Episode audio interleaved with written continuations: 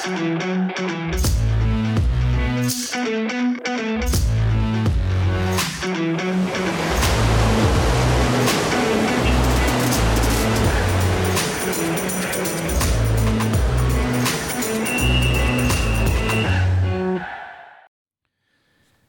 pozdrav svim ljubiteljima podcasta Pod kapicom, dobrodošli u 150. izdanje koje će biti posvećeno evropskom šampionatu, tačnije šampionatima koji se igraju u Zagrebu i Dubrovniku, odnosno u Eindhovenu. Uh, muškarci su u, če, u sredu pardon, igrali meč osmine finala, pobedili su reprezentaciju Francuske i izborili plasmu u četvr finala, napravljen je pomak u odnosu na uh, prošli šampionat u Splitu, dakle Srbija među osam najboljih i dok ovo gledate, možda ćete već znati epilog četvr finala, neki plan moj i redakcije Infinity Lighthouse je da u ponedeljak napravimo još jedan podcast koji će biti uvertirao u finale i borbu za bronzovnu medalju, pa tamo u četvrtak sa nekom onako obsežnijom, da kažem, analizom svega onoga što se dešavalo u Zagrebu i Dubrovniku. Kada su dame u pitanju, moje današnje gošće, ja ćemo uh, onako uživo posmatrati utakmicu između Srbije i Izraela za deveto mesto. Uh, četvrtak je, pa su večeras na programi meči polufinala, tako da će biti još i analize kada je u pitanju ženska konkurencija, ali danas ćemo malo više prostora eto, posvetiti i damama, s obzirom da Srbija završava svoje učešće na šampionatu, analizirat ćemo i narodne ekipe iz regiona, kako Hrvatice u ženskoj konkurenciji, tako i ekipe uh, Crne Gore, Hrvatske, pa i Slovenije koja je imala svoje učešće na ovom šampionatu Evrope u konkurenciji muškaraca, ima ga i dalje s obzirom da eh, je Slovenija počela da eh, razigrava za poziciju od 13. do 16. mesta. Sa mnom u, u, u studiju, naravno Jovana Pantović, već onako dobro poznato lice kada je ovaj podcast u pitanju. Jovana, dobrodošla. Hvala puno na pozivu a, pozdrav sve gledalci. Evo, ne znam po koji put se susrećemo zajedno, eto, za vreme moje karijere i posle karijere, tako da evo, potrudit ću se da što više mogu približim ove, ženske vaterpol gledalcima iz ovog nekog svog ugla. A samo ti kaže, sećaš se prošli put kad si bila, ovaj, bilo je ide iz vaterpola, nemate više, ali ušla si u trenerske vode i ipak si u vaterpolu ne igraš, ali si sada u tim trenerskim vodama. Da, da. Bila ovaj, mm, završavajući karijeru planirala sam da kažem da ne budem baš u trenerskim vodama, nego da se posvetim nekim drugim poslovima, ali eto, na poziv Waterpolo Akademije Taš Majdan i Nikola Rađana ovaj, ušao sam u te trenerske vode i trenutno sam njegov pomoćnik u prvom timu. E, moj kolega ima ovaj, taj njegov poziv se ne odbija nikad. To je, da, to je da, to. da. Pa, eto, naj, nije mogao bolji početak, da kažem, trenerske karijere. Imam priliku da radim sa prvim muškim timom u Superligi, tako da eto vidjet ćemo gde će to odvesti. Dobro, super, ajde, pričat ćemo još o tome nešto kasnije.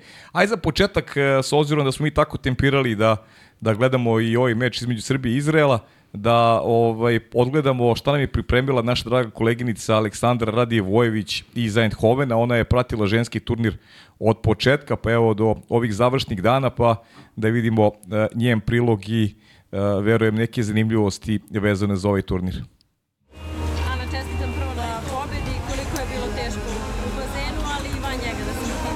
Pa mislim da nam je bilo teško s obzirom da u odnosu na muškarce igramo dan za danom utakmice. Hvala Bogu sutra imamo pauzu, ali ovaj, pogotovo posle jučerašnjeg poraza i male tu da i motivacije bilo, ali mislim da smo pokazali da smo na nekom profesionalnom nivou da možemo da se povratimo čak i iz toliko loših poraza. Je vam Nemačka generalno ne prije kao rival ili je danas bilo malo drugih problema vaših? Pa generalno uvek se sastajemo s njima i ranijih godina i uvek smo tu na jedan, dva gola, čak smo i u Budimpešti smo s njima na peterce igrali, tako da, da, tu uvek nekako završimo s njima na teško. A kako se sad motivišete? Evo, već pet dana, dan za danom, pa sutra dan pauze, pa opet teška utakmica, svi želite pobediti. Pa ništa, bilo je devojke, ajmo da iskalimo bez sa jučerašnjeg poraza na Nevicama i sut, sutra je dan pauze, tako da ovaj, posle toga nastavljamo, čekamo da li ćemo dobiti Češku ili Izrael za deveto mesto i gađamo na deveto što bolje moguće.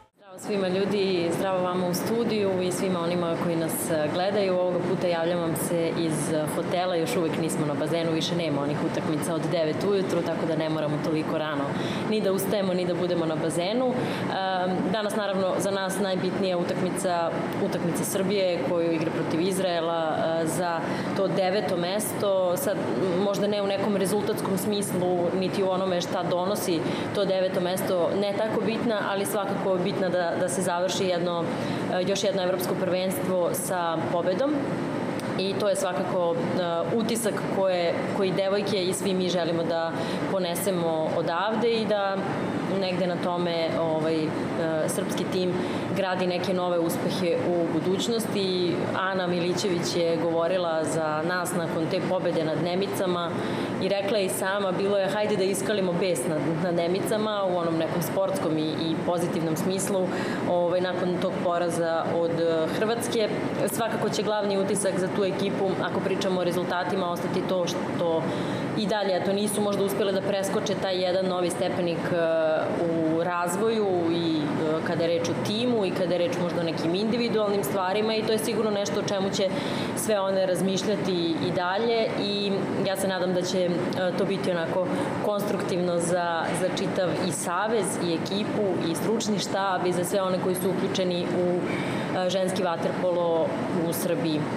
Kada reč o Hrvaticama, one igraju u razigravanju za plasman od 5. do 8. mesta, njihov rival će biti Francuska, nimalo ovak zadatak i za njih, ali i njima taman dobrodošao da malo opipaju snage, da vide gde su, da vide koliko su napredovale od onog splita, Tako da, ovaj, eto, i za njih je jedno novo iskustvo u tom smislu što možda ne igraju pred domaćom publikom, imaju potpuno drugačiju publiku, potpuno drugačiju atmosferu, što su možda videle nešto novo ovde, naučile nešto novo, što su takođe mlade devojke među njima ovaj, stekle to neko novo iskustvo igranja velikih takmičenja, o čemu stalno pričamo koliko ume da bude važno.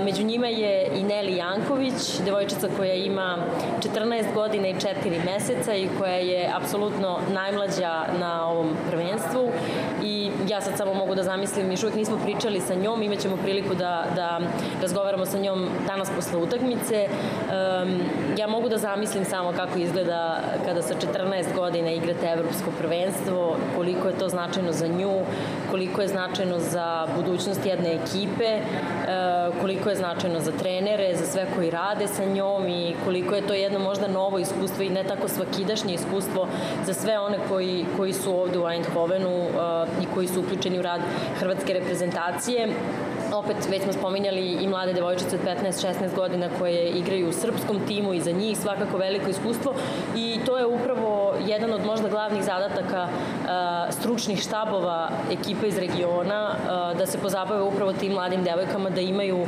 neku bazu na osnovu koje će graditi neku dalju uh, i možda širu budućnost ženskog vaterpola u, u regionu. Za sada, opet kažem, iz regiona tu figuriraju Srbija i Hrvatska od selekcija nema Crne Gore, nema Slovenije na toj velikoj sceni, do duše i muški slovenački tim je to dugo čekao da se tu negde uključi u ta dešavanja, tako da možda i njima treba pomoći i podstaći ih da rade na tom ženskom vaterpolu, da ga što više približe muškom. Svakako je jedna od glavnih tema za diskusiju ovde na prvenstvu i dalje to što su devojke igrale dan za danom i što je tako malo zbijeno bilo to sve na početku i ta grupna faza i te, te, te utakmice osmine finala, odnosno tog play-offa za ulazak u četvrt finale koje su bile ključne za pojedine ekipe. E, devojke su sve prokomentarisale da su to poslednji put doživale u nekim kadetskim ili juniorskim danima kada su igrale turnire ovaj, i da to baš nije svakidašnje za neki profesionalni vaterpolo i seniorski vaterpolo. To je možda eto, ta bitna stavka u kojoj bi e, trebalo e, i dalje da se razmišlja o izjednačenju sa, sa e, muškim vaterpolom i mislim da bi jako pomogla tome da gledamo možda atraktivniji vaterpolo, da gledamo devojke na jednom višem nivou, da gledamo devojke koje su spremnije da urade ono što najbolje znaju da rade u bazenu i mislim da, da to može samo da donese dobro svima, a opet jedna odluka onako i Lena i lokalnih organizatora da se to tako sve uh, zbijeno organizuje uh, je jedino uticala upravo na sportistkinje, na vaterpolistkinje i da mm, možda negde na kraju celog tog lanca ipak treba razmišljati najviše o njima. Ja se nadam da nas u tom smislu čeka jedna svetlija budućnost. No, slobodan dan se dogodio na, i na ženskom e, turniru, verovali ili ne, to je bilo juče i neki su ga iskoristili e, tako što će provesti ceo dan u hotelskoj sobi, neki nismo. E, obišli smo centar grada uzduži popreko, do duše za to nije potrebno nešto mnogo vremena, ali dosta je vremena potrebno za jednu turu na Philips stadionu Za mene iskreno najduža tura na jednom stadionu na, na, na kojoj sam bila. Obično te ture traju, pa znaju čak da traju i po pola sata, čak negde i 45 minuta, sat vremena je bilo, čak to je važilo za dugu turu, međutim ova tura traje skoro dva sata, oko sat i po sat i 45 minuta, zavisno naravno i od pitanja koje ima grupa i, i koliko ovaj, je bila radoznala ta grupa ljudi koje krene zajedno u tu turu. Uh, mene je zatekla prilično dobra grupa i radoznala, tako da je bilo dosta pitanja za vodiča. Svi naravno znaju da se u Eindhovenu sve vrti oko futbala i da je to jedan od redkih stadiona u Evropi koji je u centru grada i da se sve vrti oko porodice Philips koja je podigla um, grad na noge i u onom industrijskom smislu, a onda i u ovom futbolskom vezano sa tim. Uh, tako da na stadionu vas stvarno čeka pregršt priča koje su ustko vezane i za ekonomiju grada, i za politiku grada, i za istoriju koju je grad proživeo, uh, i za uh, taj pe period, predratno, predratni period kao i period između dva rata, tako da jako je dobra tura u tom nekom smislu i, i opšte kulture i obrazovanja, dakle nije usko vezana futbolska priča. Kao što znate, porodica Philips je glavni krivac za tu industrijsku revoluciju grada. Fabrika Sijelica bila je onako podstrek da se sve probudi u gradu i porodica Philips je, osim fabrike, naravno, sagradila jedno čitavo naselje gde će ljudi koji rade kod njih i koji su zaposleni živeti i funkcionisati na dnevnom nivou, a uz sve to, s obzirom na to koliko je porodici bila bitna fizička spremnost radnika, dogodilo se i to tada popularno igralište ili atletska, nešto što će ličiti na atletsku stazu, kako bi radnici mogli da rade na fizičkim aktivnostima, jer su mm, u porodici Philips smatrali da što ste fizički spremni, to ćete bolje raditi u fabrici tako da su bili e, zaduženi o, apsolutno za skoro sve aktivnosti e, svojih zaposlenih e, tada u to vreme i onda su 1913. došli na ideju da tu čitavu fizičku aktivnost pretvara u jednu igru sa loptom, odnosno u futbal i da se oko tog sada već stadiona gradi čitava futbalska istorija, jedna čitava futbolska priča grada na kojoj grad danas počiva i od koja jako lepo živi. Um, ono što smo još uspeli da saznamo jeste da um, recimo um, je PSV uh, od Eindhovenu um, jedan od redkih evropskih, velikih evropskih klubova koji malte ne funkcioniše kao jedna fabrika uh, igrača i koja se trudi i dalje da uh, od svojih uh, podmladaka i mlađih timova stvara igrače i da ih dalje lansira uh, na veliku evropsku uh, scenu, odnosno veću od one koje PSV pripada. Uh, tako da možete jasno u toj turi da sad ne otkrivam sve, vidite i koliko su zaradili od prodaje domaćih igrača, koliko su zaradili od igrača koji su samo prošli kroz klub. Uh, sve te podatke možete u toj turi da vidite i pročitate. Tura podrazumeva i posetu muzeju, odvojeno dakle od cele te ture na, na stadionu. Imate jednu uh, simpatičnu, uh, ali kratku obuku o tome kako se čuva trava na terenu samom, uh, odnosno na koji način postiču rast te trave s obzirom na to koliko vremenski uslovi ovde ne odgovaraju uopšte gajenju bilo čega, kamoli te specifične futbolske trave. Tako da su ovaj oni to osmislili tako što su solarni paneli, odnosno lampe postavljene iznad travnjaka na stadionu i tako podstiču ravnomeran rast e, trave, jako, jako vode računa o njoj, opet kažem, shodno vremenskim uslovima koji nisu baš pogodni za to. Juče je bio prvi sunčani dan ovde od kad smo došli, danas evo već drugi, e, tako da i raspoloženje je malo bolje, o, ovaj, s obzirom to je više nema ni kiše ni snega, bilo je i ovde malo snega, čujem da je bilo i u Beogradu, ovde malo manje čini mi se, tako da lako smo stizali do, do bazena. E, tako da, eto, da ne otkrivam oni koji će ići tek na turu ili će imati priliku da dođu u Eindhoven pa će ići da obiđu stadion, stvarno svaka preporuka jer je toliko neposredna komunikacija sa tim vodičem i toliko su otvoreni za sve, ulazi se u predsedničku ložu koja je malte ne apartman, a ne loža, ulazi se naravno u slačionice, gostujuća slačionica je jako, mm, reći ću, simpatična, s obzirom na to koliko je loše urađena i koliko su se potrudili da uslovi u njoj budu loši, naravno s namerom da poruče nešto svakom rivalu koji dolazi na stadion, prolaziti čitavu turu izlazaka igrača na teren.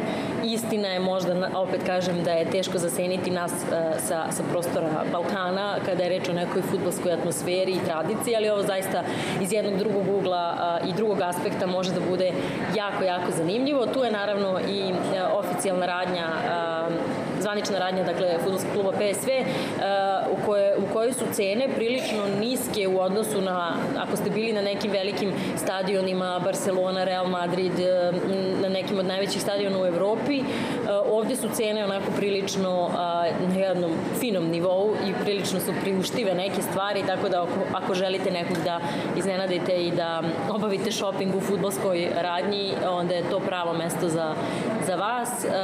Pavle, nisi dobio ništa, ništa, nemoj da se nadaš, ovaj, tako da eto, to je to. Tako da futbolski stadion mi je juče bio glavni utisak, malo smo eto, našli možda mali beg od Waterpola da se odmorimo i mi. Uh, ja se nadam da ću uspeti da vam donesem još jednu priču uh, koja se tiče turizma u gradu, a to je poseta upravo Filipsovom muzeju, odnosno delu Filipsove fabrike, koja je i dalje najviša zgrada u centru grada i ne možete obići i to je glavno mesto na kom se svi sastaju ovaj, i oko nje se sve nekako ovaj, vrti i ce, cela ta shopping zona i uh, barovi, kafići, restorani, svi su tu u centru grada, tako da se nadam da ćemo, da ćemo imati priliku uh, da i to obiđemo i da ću moći to da podelim sa vama. Za sada, eto, jedna tura oko stadiona, dva sata možete da ubijete vremena, a cena karte za celu turu i muzej je uh, 17,5 evra i više nego isplativo u odnosu na ono šta ćete sve uh, videti. I nadam se da vas nisam udavila ovom pričom o futbalu i o gradu. Uh, mi se naravno čujemo uh, još tokom evropskog prvenstva sa nekim novim i vaterpolo i ovim drugim pričama. Pozdrav za sve u studiju i za sve koji nas gledaju. Ćao! Hvala Aleksandri, ja sam stavio naočar među vremenu s obzirom da utakmica između Srbije i Izraela samo što nije počela. Malo nas je Aleksandra, ovaj, šalili smo se mi ovdje, ali stvarno potrudila se i Uh, ja sam je malo i provocirao na račun futbola, pa eto, dobio sam i prave odgovore. Uh, čuli smo i kakva je turistička ponuda Eindhovena, vrlo zanimljiva priča o istorijatu. Ono na čemu ćemo mi bazirati priču je svako, svako vaterpolo. Uh, Jovana, ko, ajde malo neki opšti utisak kada pričamo o učinku reprezentacije Srbije do ovom turniru. Uh, ona prva tri kola, onako prilično sigurno, disciplinovano, uh, Uh, dobra igra Srbije i rekao bih tri lagane pobede protiv uh, ekipa koje pa realno nisu bile u rangu srpskog tima.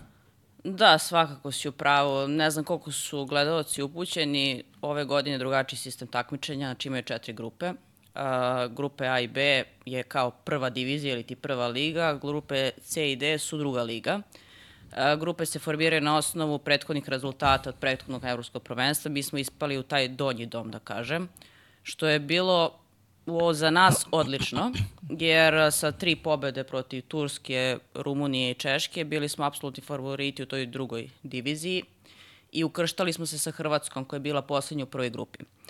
Uh, Hrvatice su imale tre, tri jako teške utakmice, ili to je faktički bila grupa smrti sa Mađarskom, Holandijom i Grčkom i sigurno su na neki način, da kažem, emotivno rastrojene ušle u utakmicu sa nama. Uh, imali smo sjajnu priliku da možda pobedom nad Hrvatskom uspemo da se plasiramo u taj gornji dom i uđemo u borbu za svetsko prvenstvo, jer se mhm. na svetsko prvenstvo plasiraju sedam ekipa. Nažalost nismo uspeli, nažalost propuštena je još jedna prilika, ali ovaj, kako se zove, bože moj, uh, jedno lepo iskustvo i nadam se da ćemo utakmicu za deveto mesto uh, uspeti da, da kažem, na neki lep način završimo ovo takmičenje na, na evropskom prvenstvu. Aj, vratit ću te, vratit ću te na, na, na taj meč sa Hrvatskom. Uh, ovde realno protiv Izraela, uh, evo, počela je utakmica, Izraelke su bolje. Setimo se Splita. Izrael je pobedio sa velikom razlikom u Splitu Srbiju. Izrael koji je mnogo napredao u odnosu na neki period od pre 6-7 godina. Srbija je bila bolja ekipa nekada, ali taj rad i Miloša Bradića i ulaganje Izraela i na račun infrastrukture, neko je dao više rezultata u toj ženskoj konkurenciji. Bilo je čak i iznenađenje, makar za mene, ne znam, ti, ti, ti to bolje znaš, taj poraz od Velike Britije na peterce ovaj, u, u utakmici osmine finala. E, da, sigurno. E, u suštini Izrael je došao u takvom stanju kako me došao, znamo svi e, situaciju u toj zemlji i sigurno je to dosta uticalo na njih. Ovaj, taj neočekivani poraz od Velike Britanije je sigurno dosta, da kažem, poljuljao njihove redove i sigurno su, da kažem, nekako psihološki pali.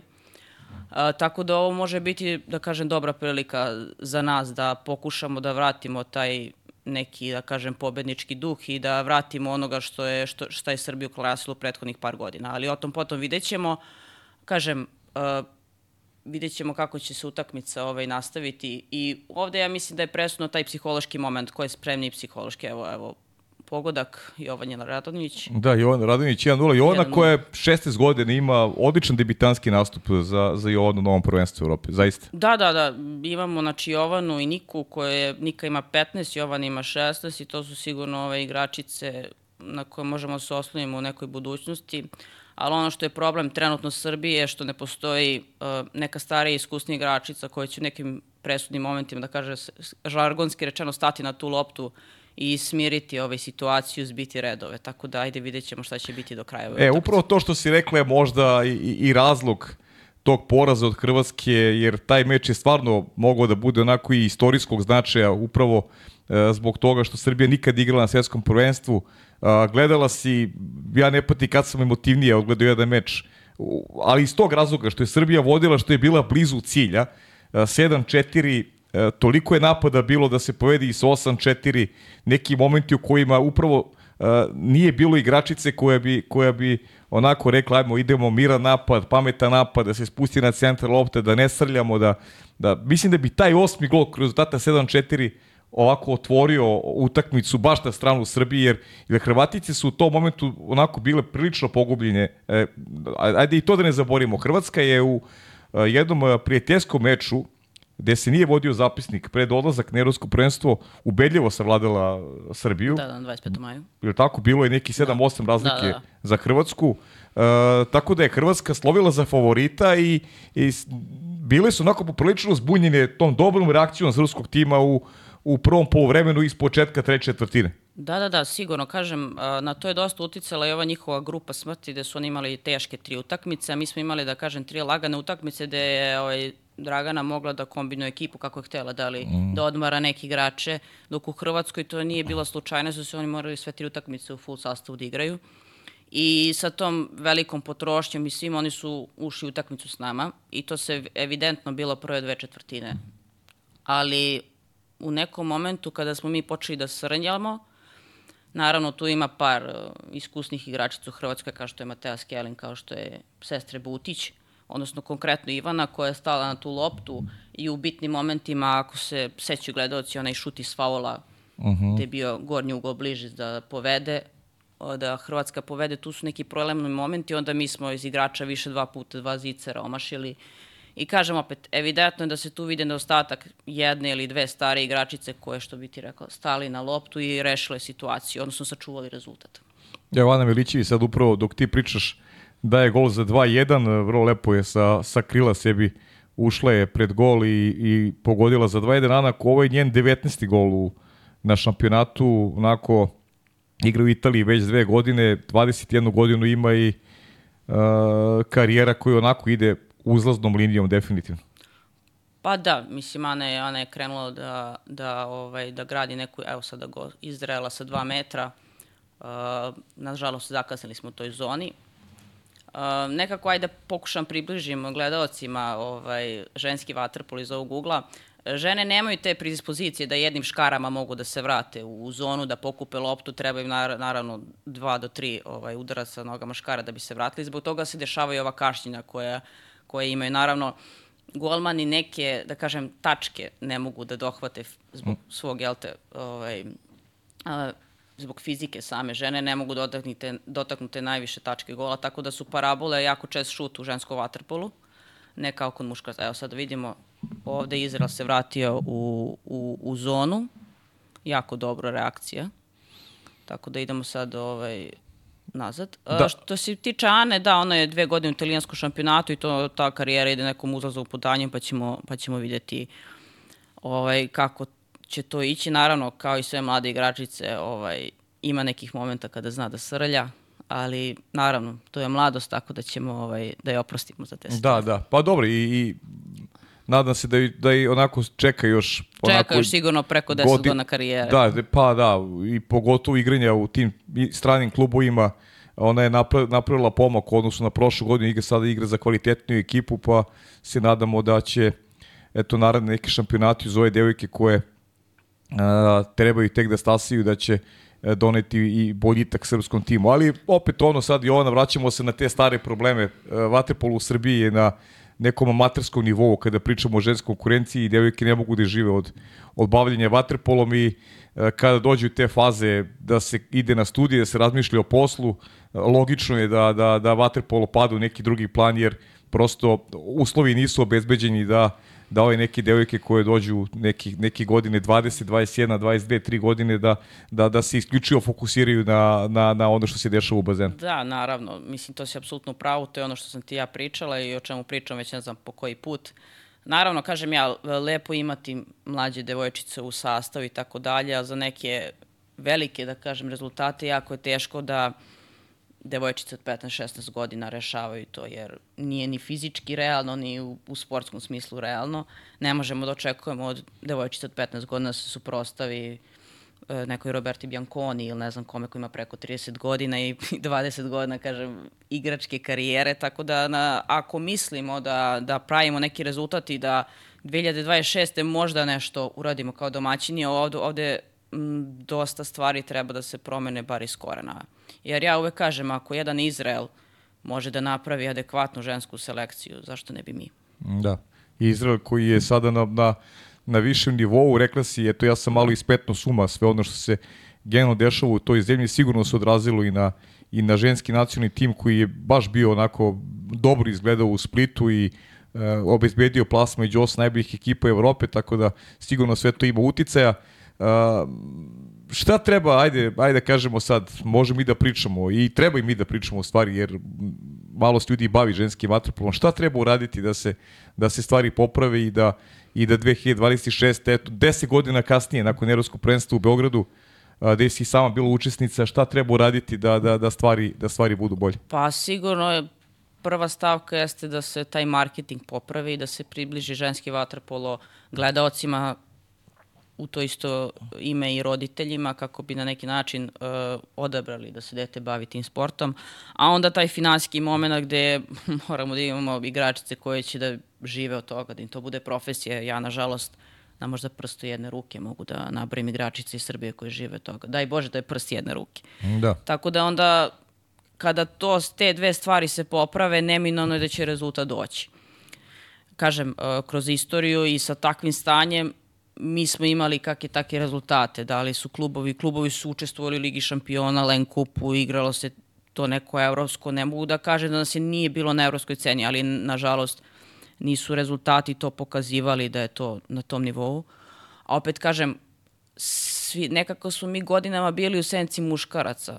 Zašto? Zato što cijela reprezentacija Srbije živi od toga i to im je posao. Profesionalno se bave time, znači njegovo zanimanje vaterpolista. Ovde imate devojke koje su radile neke poslove prvobitne, a vaterpo je bio dodatna aktivnost i tako dalje. I studije, naravno, sada se pojavljaju problemi stu, odlazak studija u Ameriku, gde vi Da. faktički gubite igrače jer odlaze na studije i kako ode na studiju, tako ti nažalost više na nju ne možeš da računaš.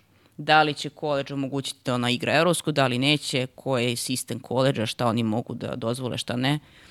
Tako da smo ovde izgubili isto gomilu igračice koje su otišle u Ameriku na, na studiju. Da li imamo ovdje Jelenu Šarac? Ako Jelenu? Šarac dali, eto, na primjer, Lara Luka, Nađe Novaković, ima ih tu još koje, koje su sad u najboljim godinama, ali ipak zbog studija i svega su ovaj prekinule ovaj reprezentativnu karijeru. A dobro, ili te devojke mogu da se vrati jednog dana u taj neki reprezentativni ajde da kažemo, ciklus ili kako god, recimo za Beograd 2026. ukoliko se pa budu sad bavile sportom. Ne, ne znam koji je dogovor njih i selektorke, uh Mhm. -huh. sve zavisi od toga kako su oni relaciji, da li oni hoće, da li selektorka hoće, sve to je nešto na što trenutno ja nemam informacije, tako da ne bih mogla sada Znaš da kako, ti ma, Srbija je mala zemlja, mala zemlja da bi se tek tako odricala ovaj, nekih igrača, zato što imamo primjeri u nekim drugim okruženju da su sa studija iz Amerike igrali u reprezentaciji, pa evo, Lovre Miloš recimo koji do skoro igra u Partizanu, on je sa Hrvatskom osvojio i, i, i medalju na velikim takmičenjima. Da. Momak je studirao u Americi i igrao vaterpolo na vrhunskom nivou. Mislim, Da, to, kažem, kažem, sve zavisi na, na toj igračkoj trenerskoj relaciji, šta se dešava i šta, šta su oni Teoretski dogovorili. mislim ima i da, moguće, Da, tako? Da. da, naravno, da, apsolutno. Apsolutno. Dobro, mi naravno nema potrebe da komentarišemo baš jer, jer ovo ne ide uživo, eto čisto mi bacamo pogled i pričamo. Trenutno je 3-3, finiš je prve četvrtine i onako jedna lepa utakmica za sada Srbija je vodila u tri navrata, Izrael izjednačio, ispratit ćemo ovaj, Da. devojke do kraja. Šta je ono što si primetila kada govorimo o ovim drugim e, reprezentacijama? Generalno se ništa drastično nije promenilo na, na, na tom nekom svetskom vrhu. Uvek su tu iste reprezentacije koje se bore za, Da, za medalje. definitivno je sada došlo do promena u donjem domu. Britanija je ovaj napravila veliki iskorak. A što tiče tog vrhunskog nivoa gde su Holandija, Holandija, Španija, Mađarska, Grčka i Italija, nije tu bilo nekih mnogo velikih ovaj da kažem iznenađenja. Osim što, eto, ajde kažem, Španija stvarno igra vanserijski vaterpolo. Mislim, najveća prednost Španije u ovom momentu jeste taj centarski tandem da ima vrhunska dva klasična centra. Dok je ono što je zanimljivo za Grčku, oni su vratili Aleksandru Osimaki, inače 36-godišnju igračicu, ovaj, u svoje redove, tako da eto, ona njima donala tu neku dodatnu sigurnost i, i, i vidi se, vidi se da dosta igraju na nju. A ovamo, kažem, Italija je dobila Mađarsku, Da, to je bila baš dramatična da, utakmica. to je bila baš, baš dramatična utakmica. Pravo da vam kažem, ovaj, i lepa, mislim, generalno lepa i dramatična i vredilo je pogledati tako. Da. Tako da sad polufinal, ovaj, polufinalne utakmice će isto biti zanimljive. Gore ide Španija, Grčka, ovamo Holandija, Italija. Italija, tako da ja mislim da će finale biti Holandija, Španija, neka moja procena, ali ajde da vidimo šta će se desiti. Pa da, to bi neko i, i realno trebalo da se dogodi, pogotovo su holandžanke. A, apsolutno, pa trenutno Imaju su dobru i favoriti. podršku s da, da. tribina, da, i I fino su oni to dobro. odradili, ovaj ceo, da kažem, i bazene i taj neki deo marketinga. Mislim, generalno marketing za ovo evropsko po meni nije određen kako treba, ja razumem i... Misliš da- za oba evropska Da, za oba. Ajde, možda čak Eindhoven je mnogo bolje određen nego, Mhm. nego Hrvatska. Uh, nekako, ja razumem da je to iskrslo, da se to desilo s Izrajem, ali živimo u 21. veku, ja mislim stvarno da za par dana može mnogo toga da se napravi. Tako da, eto, marketing je opet, nažalost, u Waterpolu ispušten i ovog puta, ali ajde, ovaj, neka ovde, ovo bude nauk za neke buduće stvari. Da, da. Ovaj, pa dobro, da, znaš da je bilo priče pre nekih mesec dana, recimo, da čak i neće biti evropsko prvenstvo. Da, da. Sad u januaru da će da ga pomere za sledeći, pa onda sad ima priča ovaj, da bi mogao Izrael da bude domaćin naredne godine na evropskom prvenstvu koje bi bilo neko vanredno, ne, ne znam kako bi ga nazvao to evropsko prvenstvo, Ja osim, ne znam osim vanredno, da su čak, da su čak ovaj, neke, neke države uplatile čak ovaj, i tamo i smešte i sve da to Izrael nije vratio, pa mislim ima raznih priča sada vezano za, za, za neka buduća takmičenja, ali e, definitivno se slažem s tobom da, da živimo u ovo vreme modernih tehnologija, da, da je moglo mnogo bolje da se... Apsolutno, mnogo se uradi bolje, sve. naročito to sve u Hrvatskoj. Mislim, ja, ja nisam tamo, ali ono što mogu da ispratim preko TV-a, to mi je onako sve određeno poprilično površno, ništa nije u dubinski ušlo u, u tu priču, tako da, eto, žao mi je. Kažem, ajde, Eindhoven, koliko god ovaj, jednim delom su se potrudili, ali opet i to je sve tanko za ono što sam ja očekivala. Uh -huh. Pritom njihova selekcija će vrlo verovatno igrati finale ili u borbi će biti za medalju, to je sigurno, tako da su po mom mišljenju mogli malo, malo, malo dublje da uđu u celu Pa da, već su u borbi za medalju. Da, Da, da, tako Mislim, da, da. večera će se znati, Znati, ja, mislim, imamo da četvrtak je, večera će se znati rezultati, a opet s druge strane, kada je Hrvatska u pitanju, znaš šta meni iznenađuje, recimo, zašto nije o taj finalni deo, četvrfinala, polufinala, finala, zašto nije igran u Dubrovniku? Recimo. Da, to Ono je, ono je fenomenalan bazen koji može da primi više publike i neka atmosfera. Mislim da bi Hrvatskoj više značilo pa da, da se to igra da. u Dubrovniku, Pa, najiskrenije. Ja sam imala priliku da igram na tom bazenu i pravo da ti kažem, imam Gružu, sjajne iskustva. O da, odlično, mm -hmm. ovaj, sjajne iskustva. I ovaj, ne, znam, ne znam koji je, koja je matematika, možda posjećenost smatraju da će biti ovamo veća, ne znam stvarno. Tako Ne, da, ne, ide, ne znam, vidjet da. ćemo. Vidjet ćemo šta i kako. Da, dobro, dok mi gledamo ovo, Da. malo časkamo, časkamo o Waterpolu, e, šta bi još mogli da kažemo vezano za, za, za ženski turdir, e, ne- negde su, ajde da kažem, pravila su naravno e, izjednačena, ali ne znam kako tumačiš ove momente gde sada mnogo više ima ovih kontra prekršaja, gde sudije, ovaj VAR sistem radi, gleda se, gledaju se ti prekršaje iznad vode, isključenja sa pravom, sa pravom zamene, svaki crveni karton automatski znači suspenziju za narednu utakmicu. To su neka neka pravila koja su onako p- postala vrlo rigidna kada govorimo o obe konkurencije. Pa e, dobro, Waterpolo je dosta u posljednjih par godina bio kontakt sport i nekako je moralo to da se nekako preseče. Sad, e, moje mišljenje da treba to da se pogleda i da treba svaki, svaki grup prekršaja se sankcioniše na ovaj ili onaj način, jer vi u drugi, drugim kopnenim sportovima vi zaista vidite tu situaciju i taj udarac i taj prekršaj, šta god ovde, jako se teško to vidi. Tako da na neki način da bi se ograničilo to, na neku, da se svede neki normalan sistem, da, ok mi je da se ih pogleda video i da se da suspenzije, sve to sasvim po meni ok. Sad, problem je tu što se stalno menjaju neka pravila, evo sad imamo taj boks oko gola i baš pre par dana kad sam gledala utakmicu sa nekim ovaj, prijateljima sam morala da im objašnjavam jedan duži vremenski period šta taj boks znači, kako se gledaju te linije kretanja, šta je taj faktički waterpolo offside, tako da ulazimo u problem jer javnost koja se ne bavi waterpolom ne može da razume igru. Pa evo imaš priliku i Evo, sada, imaš da. sada priliku isto objasni ovaj, šta, šta, je, šta je poenta cele priče. zašto je petera, zašto nije sviran ranije, zašto je sviran kasnije, sve to neke stvari koje koje čovek koji nije u waterpolu ne može da razume. I onda tu ulazimo u problem. Eto. Evo go. Ovde Srbija vodi sada sa, sa 5-3, ovo je 5:3. najveća prednost evo za sada, dok vi ovo gledate u večernjem terminu, Srbija na 5,5 minuta ima prednost od 5-3 protiv Izraela i stvarno bi eto bilo lepo na kraju da se Pa, takmičenje da završi kažem. devetim mestom i to je neki opet ja kažem neki standard. Devete su devete su Da, od kad sam ja bile. igrala ovaj, u areni, nismo se pomerili. Mislim, Da. a, Od kažem... 2016. Da, 2006. Kažem, a, ni to nije dobro.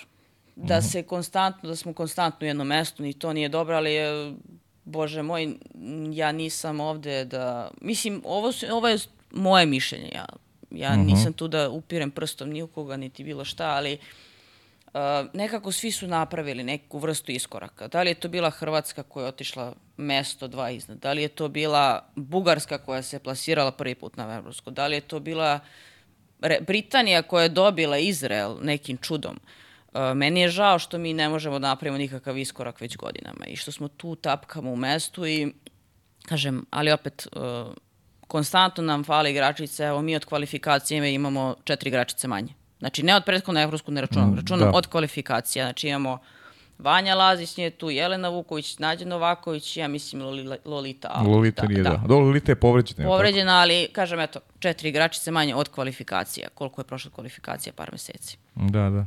Tako da, ne znam, nadam se da će se te stvari promeniti, pa ćemo vidjeti šta će se dešavati u budućnosti. Da, jeste, a pazi, opet sad imaš sad absurd celoj priči, ovoj činjenice da pozicija se, pozicija e, se neće promeniti, da. eto ako budu u Srpkinje devete, pa čak i da budu desete, u principu to je to, deveto, da, deseto da, mesto. tu se vrtiš. Uh, hteo sam ti kaži da postoji šansa da ti ovo takmičenje završiš uh, šest utakmica, pet pobedi, jedan poraz.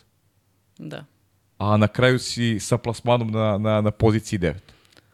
Znači, Da. samo poraz od Hrvatske i to jednoj utakmici koja je na kraju kad pogledaš sut 11-8, koji nije gledao, pomislio bi Hrvatska je to Da, lako da, dobila. lagano. To je bila serija u finišu od 3-0, pritom je Srbija imala stativu na 8-8, onaj napad kada je Da. možda mogla bude i parabola, neki lob 9-8, ti kako povedeš ovaj druga, da, imali smo zicer iz igrača više, Cecilija proma, promašila dva zicera sa Da. stative, tako da je Tako, to... ali na 8-8 seća se taj napad stativa, sledeći napad je Hrvatska dala gol, neka parabola je bila sa druge strane i od tog 9-8 tu je Hrvatska već napravila, ali kažem ti, eto, e, šest utakmica, pet pobjeda i jedan poraz. Da, pa taj novi sistem takmičenja iz trenerskog ugla nije dobar. A sad, ako ja gledam iz ugla marketinga, iz Mhm. ugla gledalaca, e, ti imaš tu sve egal utakmice.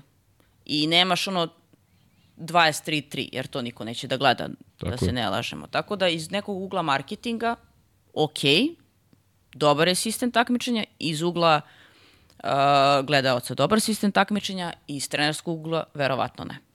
Mhm. Tako da, ali ja opet uh, podržavam ovaj sistem takmičenja zbog Isto, tih egal utakmica, jer uh, neće niko da gleda Bugarska, Mađarska. Mislim, to bi stvarno taj rezultat otišao jako visoko i to nije dobro za sport. Mhm. Tako da ja bi zadržala ovaj sistem kakav god da je, mm, mislim da, da donosi do, boljitak u gledanosti, eto toliko. Pa da, opet ti dolaziš do suštine, to lepo si Da. rekla, manje ima utakmice, to sam ja govorio i, i u studiju na sport klubu, imaš igraju rivali koji su slično kvaliteta i utakmicu samim tim je interesantnije, a opet dođeš na kraju do suštine. Da. Da oni koji su najbolji Biće gore sigurno. Biće gore svakako, pritom eto, Srbija u nekom drugačijem sistemu možda protiv Hrvatske ne bi igrala egal utakmicu, Da. jer da budemo iskreni, Hrva- Hrvatici su bolje i, i prosto zasluženo su ušli među osam Jesu, najboljih. apsolutno, Samo to- kažem da eto, okolnosti su bile takve da je malo Srbiji nedostajalo da utakmicu začini i da možda čak i napravi veliko iznenađenje, to je ono o čemu ti govoriš, da, da nikako da se napravi taj,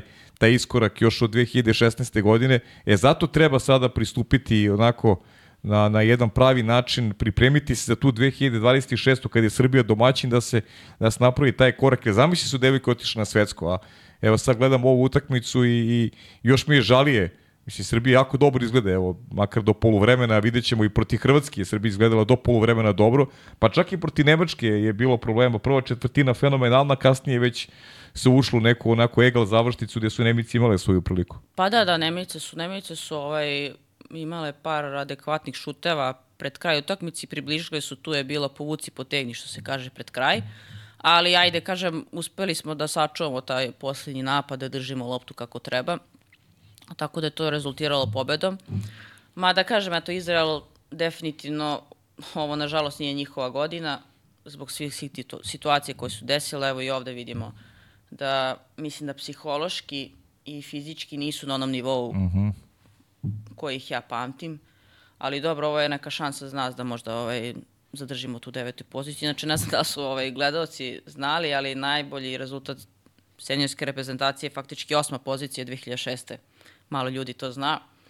A zato što je tada bio drugačiji sistem takmičenja i bilo je ono osam ekipa. Tako da, kažem, kažem ovaj, to je osma pozicija najbolja. Kad pričamo o Izraelu, naravno, neizostavni deo priče Miloš Bradić. Apsolutno, ovaj, Miloš Bradić, mislim većina ovih devojaka u njegovom klubu, znajući Miloša, on je jako pedantan i možda je jedan, ako ne i najbolji trener svojih prostora što se tiče ženskog vaterpola.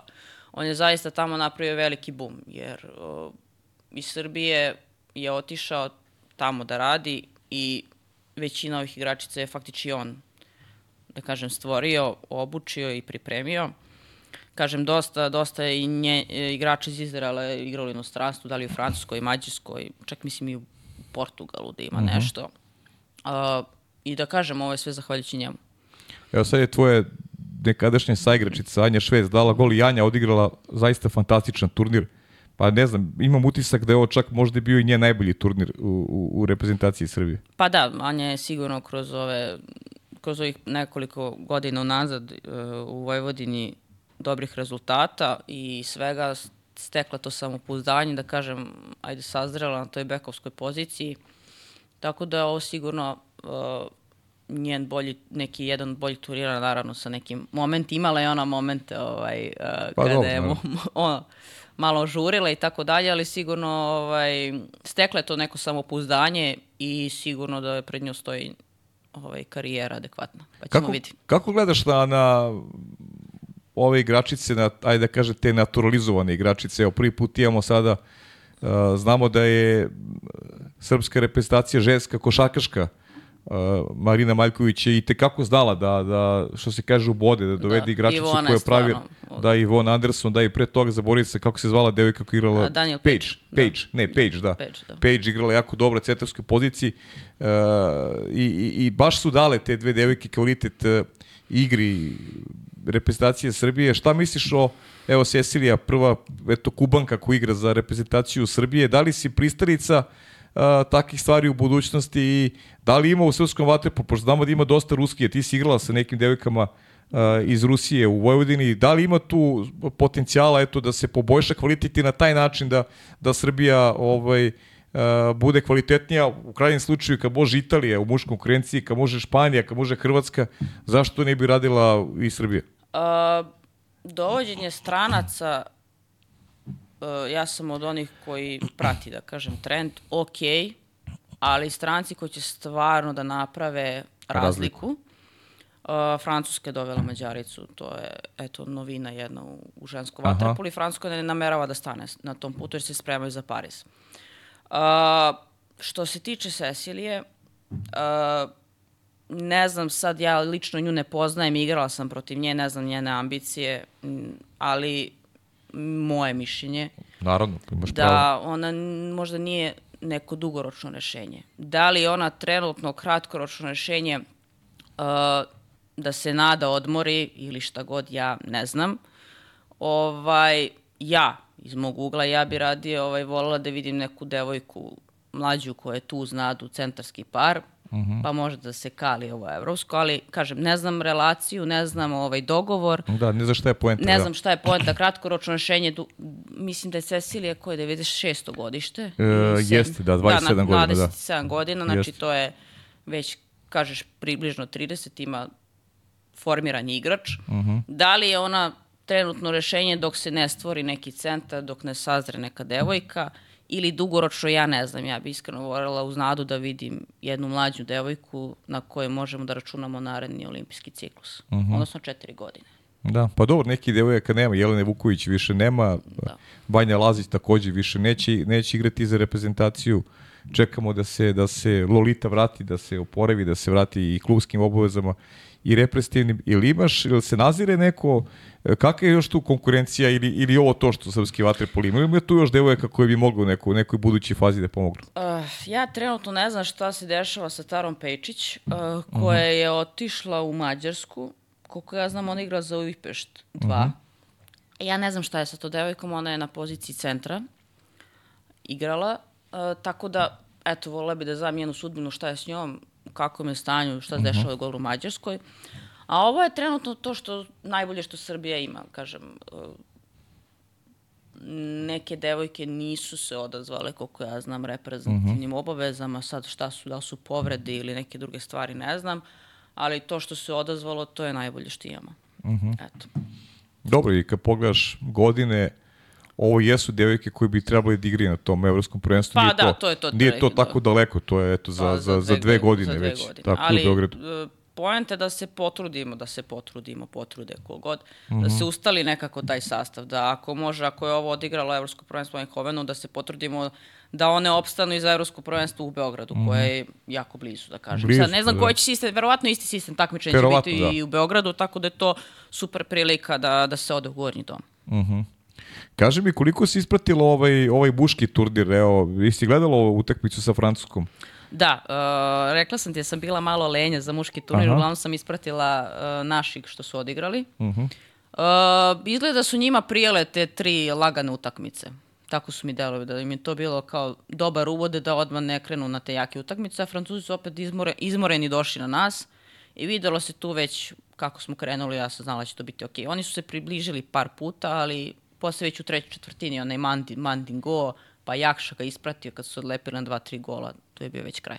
Da, da, pa dobro, ovo je baš, baš teška je mentalno bila Da, i da, fizički utakmica, jer uh, očekivanja su sada velika, pritom taj poraz je svima bio u glavama, znamo šta sve dešavalo u Splitu i, i, i, i momci su tu barijeri morali da, da onako, što se kaže, da prebrode i uh, da odigraju protiv Francuza koji su jako disciplinu. Ono što Francuzi imaju, to je disciplina koju je usadio čovjek koji sedi pored klup, imao onaj, onaj, onaj sjajan taj malo gde gde se obraća čak i na maternjem. Ovaj, Na malo je kombinovao maternji Ma- francuski, da, Ovo je da, da, da, kombinovao da, da. One reči koje ceo svijet razume, ovaj, je koristio Jako Da, Slavko da, Bešćak. definitivno. Pa, Da. mislim, meni se sviđa to što je Francuska ozbiljno shvatila taj Pariz i olimpijske igre i što su oni Mhm. jako dobro ušli. Kako, kakav sistem muškog, tako i sistem ženskog. Žene su, mislim, nemaju gledoci prilike da gledaju, ali jako dobre. Jako Mhm. dobro, oni su se bukvalno približili na, sa tim velikim ekipama na 5-6 golova razlike, što je jako malo. A što tiče muškaraca, oni su stvarno jednu ozbiljnu, ozbiljnu partiju. I tvoja generacija, mislim, Srbija je pobeđivala Francusku. Da. E, mi smo, da, u mlađim kategorijama jesmo, ali sam ja u Reni izgubila od Francuske 9-8. 9-8 je bilo tako. 9-8 je bilo, e, tipa u posljednjih par sekundi smo izgubili utakmicu, a sad je Francuska otišla Već, već, razlika. već, već. Pa već, dobro, ovaj. imaju Mađaricu u timu. Da. Kao što ima i muška ekipa, generalni muška ekipa takođe ima ovaj, naturalizovanih Da, igrača. igrača hrvatskih, Da, da, Duje tako. Živković, pa ne znam, tu je i, i Bjorko i Da. Danac takođe. Tako da ono, ali dra, rado me to što se Manda vraća u formu, Mhm. Jakša se vraća u formu i vidi se. I Ub, Ubović je bio odličan, mislim, stvarno, stvarno Da, dečko. Uba kome su juče u prvom polovremenu tri kontrafaula sudili. To je ono malo što čime je Srbila imala problem.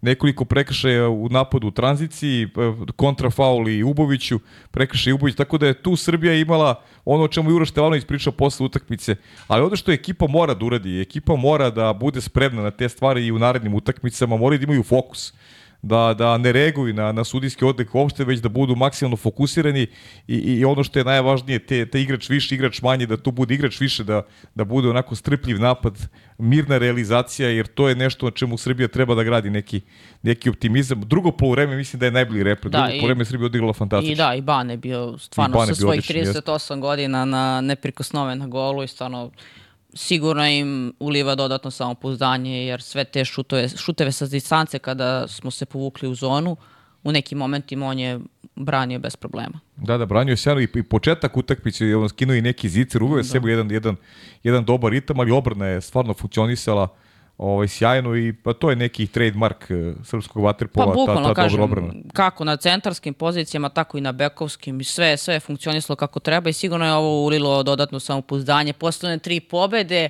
pobeda protiv Francuske i sigurno su momci na, na nivou, što se kaže, psihološki da, da mogu da, da pariraju u narednim utakmicama. Da, Uroš je vratio neki igrač, ne, Nemanja Vico se vratio, igra jako dobro.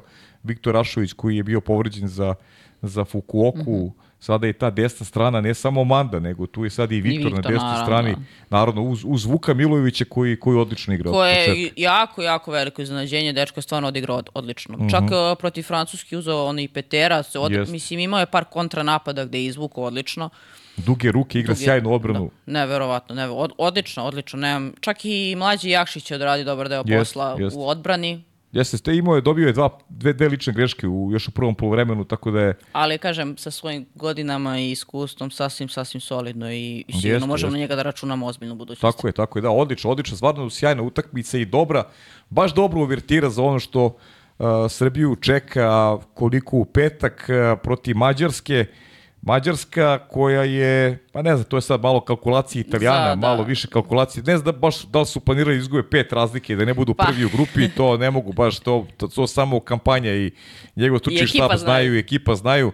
Igrali su svako bez Di Fulvija koga je kampanja odmarao i naravno nije bilo Disome koji je isključen na utakmici drugog kola protiv, eh, protiv koga beše? Protiv Grčke, čini mi se. Ne, ne, ne protiv Grčke, nego ko je bio još sa njima u grupi? Mađarska, Grčka i s kim su igrali drugo kolo. Sad sam zaboravio ko je bio još rival u toj grupi, nije ni važno, osjetit ću se. U svakom slučaju, čudna utakmica Mađarska je bez eh, Zalankija, bez Vamoša, Faktički B bez Janšika, je da, bez uh, golmana, Golmana, Vogila, da. bez Manherca, Gabora Kiša, zaista Maltene prva postava, ima tu igrača koji će sigurno igrati i na olimpijskim igrama, ali Jovana, da budemo realni, Srbija je favorit u tom Pa duelu. definitivno. A, mislim, kažem, Mađarska tu je došla da odigra samo što se kaže, Mhm. sigurno da vidi u kakvom su stanju ovi mlađi igrači, ali sigurno da oni grizu i da će se truditi da svi žele da dobiju Srbiju. Jel to uvijek bilo i bit će. Da, veliko rivalstvo. Da, ali mislim da je tu naša šansa da mi stanemo na loptu, odigramo kako treba i vrlo verovatno ako sve bude, ako budemo ovako disciplinovani igrali kao protiv Francuske, mislim da tu ne bi bilo problema. Pa da, to, to svi očekamo, zaista ne bude problema. Ono što zaista nudi to rivalstvo, moram proverim sada, više pričam iz glave nego što sam, nego što sam čitao, to ću raditi uh, u pripremi sutra za meč. Mislim da od uh, 2004. godine, od, od olimpijskog finala, kada je Mađarska pobedila tadašnju Srbiju i Crnu Goru, uh, nakon preokreta, bio sam na toj utakmici, da Srbija od Mađarske nije izgubila na tri najveće takmičenja ni jednom u eliminacijnoj fazi.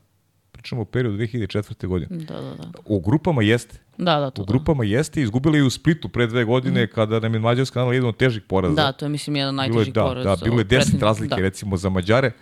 Ali u, u toj eliminacijnoj fazi, evo baš ću proveriti, mislim da Srbija ni jednom nije izgubila ovaj, od mađarskog tima, što sutra neću reći ovaj, u direktnom prenosu da, da ne bude ovaj kletva komentatora, ali, ali to je neki pokazati znaš, protiv jednog od najvećih rivala da si, da si toliko moćan u tim mečevima koji ovaj, ti nude, ne znam, ili titulu prvaka ili, Ili borba za brozu fazu, ili da, znaš. to je stvarno neverovatno. Ne, ne, ne, ja, ja stvarno mislim da oni, da oni mogu da odigraju sa Banetom, onakvim kakav je bio juče, sa Ubovićem, kako zna da odigra dva metra.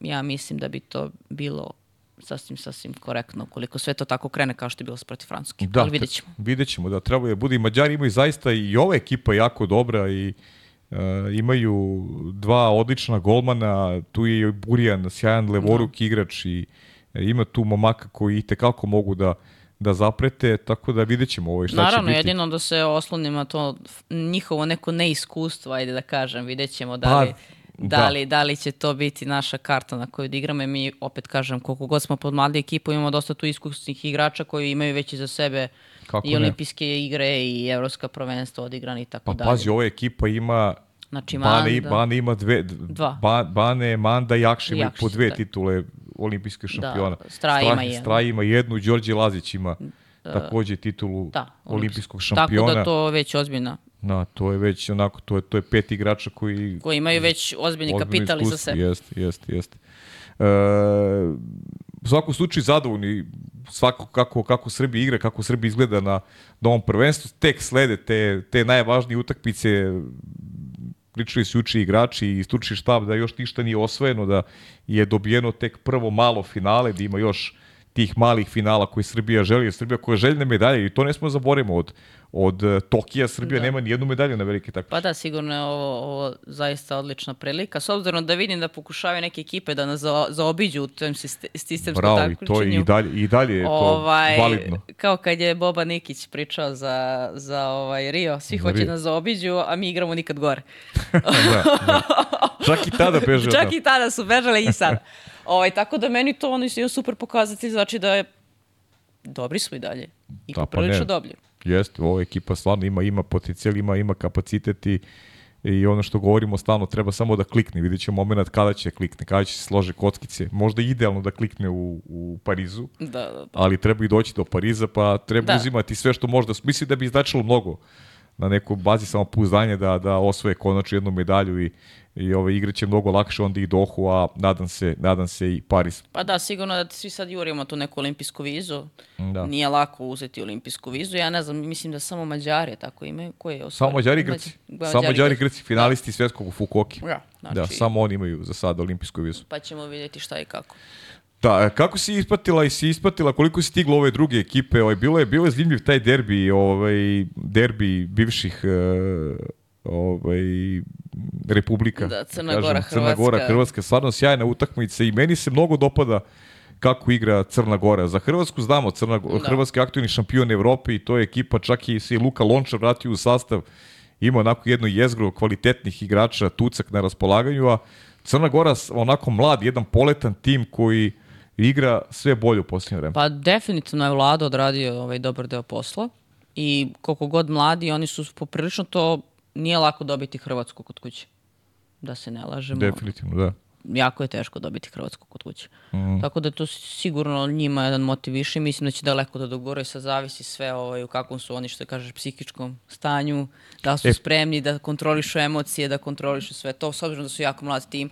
Pa ajde, vidjet ćemo, ali... Znaš kako, ja iskreno ti kažem, ovaj, svi vide e, Italiju u, u polufinalu. Pa, s obzirom Ja da nis- italijani beže od nas, vidjet Pa ne, ali ja nisam siguran da taj meč Italija-Crna Gora, da su Italijani toliki favoriti protiv Pa, Crne Gore. Najiskrenije nije. ti kažem, mislim da, da Crna Gora ima svoje lepe šanse da, da, da tu utakmicu i pobedi, da, da iznenadi italijanski tim. Čak, iskreno ti kažem, meni ne bi bilo to toliko ni iznenađenje.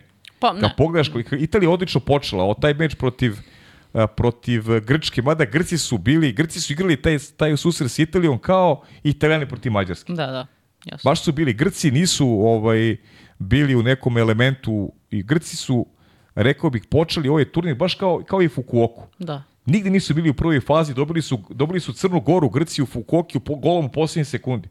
I onda su dobili Srbiju u polufinalu i, i igrali sa, sa Mađarskom finale meč na jednu loptu. Izgubili Da. su titulu prvaka sveta na peterce. Da, da. Vidjet ćemo, vidjet ćemo, ali u pravu si, apsolutno. Slažem se sa, sa Da. tvojim viđenjem. Tako da eto, jedva čekam baš tu utakmicu. Biće za- zanimljive taj četvrtfinal, naravno pod uslovom da Grčka, to ćete znati, ovaj, Grčka igra protiv Holandije u, u četvrtfinalu, u pardon, u osmini finala, tu ne bi smelo ne, se ne, ne bi tu pitanje. trebalo da. problema, Da. nikakvih, I, apsolutno. onda, I onda idu, Grci idu u četvrtfinale na Hrvatsku.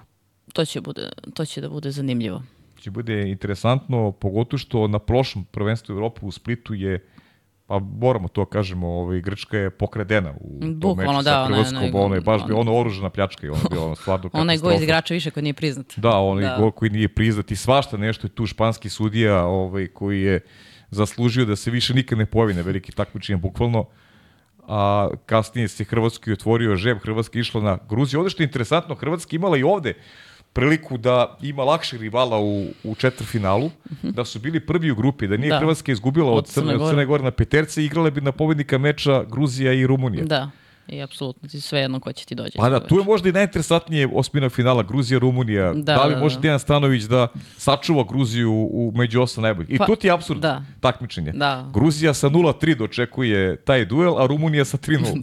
Pa, kažem, ja se nadam eto da će Dejan da, da odradi dobar posao, jer jako dobro radi tamo. Evidentno, ono što je on odradio za ovih par godina, podigao taj vaterpolo na viši nivo, vola bi da to nekako materializuje u svoju korist. da, ja, bi, ja bih volio zbog Dejana i zbog... Zbog Dejan iskreno znam koliko, koliko radi, koliko se trudi i kažem, dosta, dosta srpskih igrača je u gruzijskom Pa dobro, i šampionatu. Dule, Dule Vasić je tamo, da, igra prestacije, Vapenski igrao. Vapenski da, igra, tako da. da. Da, tako zbog da- svih njih bih ja, isto volio da Gruzija, da Gruzija pobedi. da Gruzija napravi neki rezultat što bi donao boljitak i klubskom njihovom vaterpolu, a u krajnjem slučaju i igračima sa ovih eh, prostora koji su tamo. Mhm.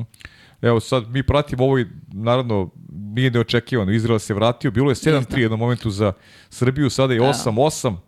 Ne koristi Srbija jedan dobar napad, po posljednji minut, ajte vidjet ćemo, naravno, bit Vidjet ćemo. ćemo, kažem, eto, opet ulazimo u taj neki, da kažem, period kada primamo golove, evo sad ide kontranapad Izraela. Ne, sad će da bude, i, ovo će biti prvo vojstvo vratno za, i, i neće, Evo, bravo, neće, branila neće. Nikolina sjajno. Branila Nikolina. Da, Nikolina branila je pokrila briži. Jest. Šunit je šutnula.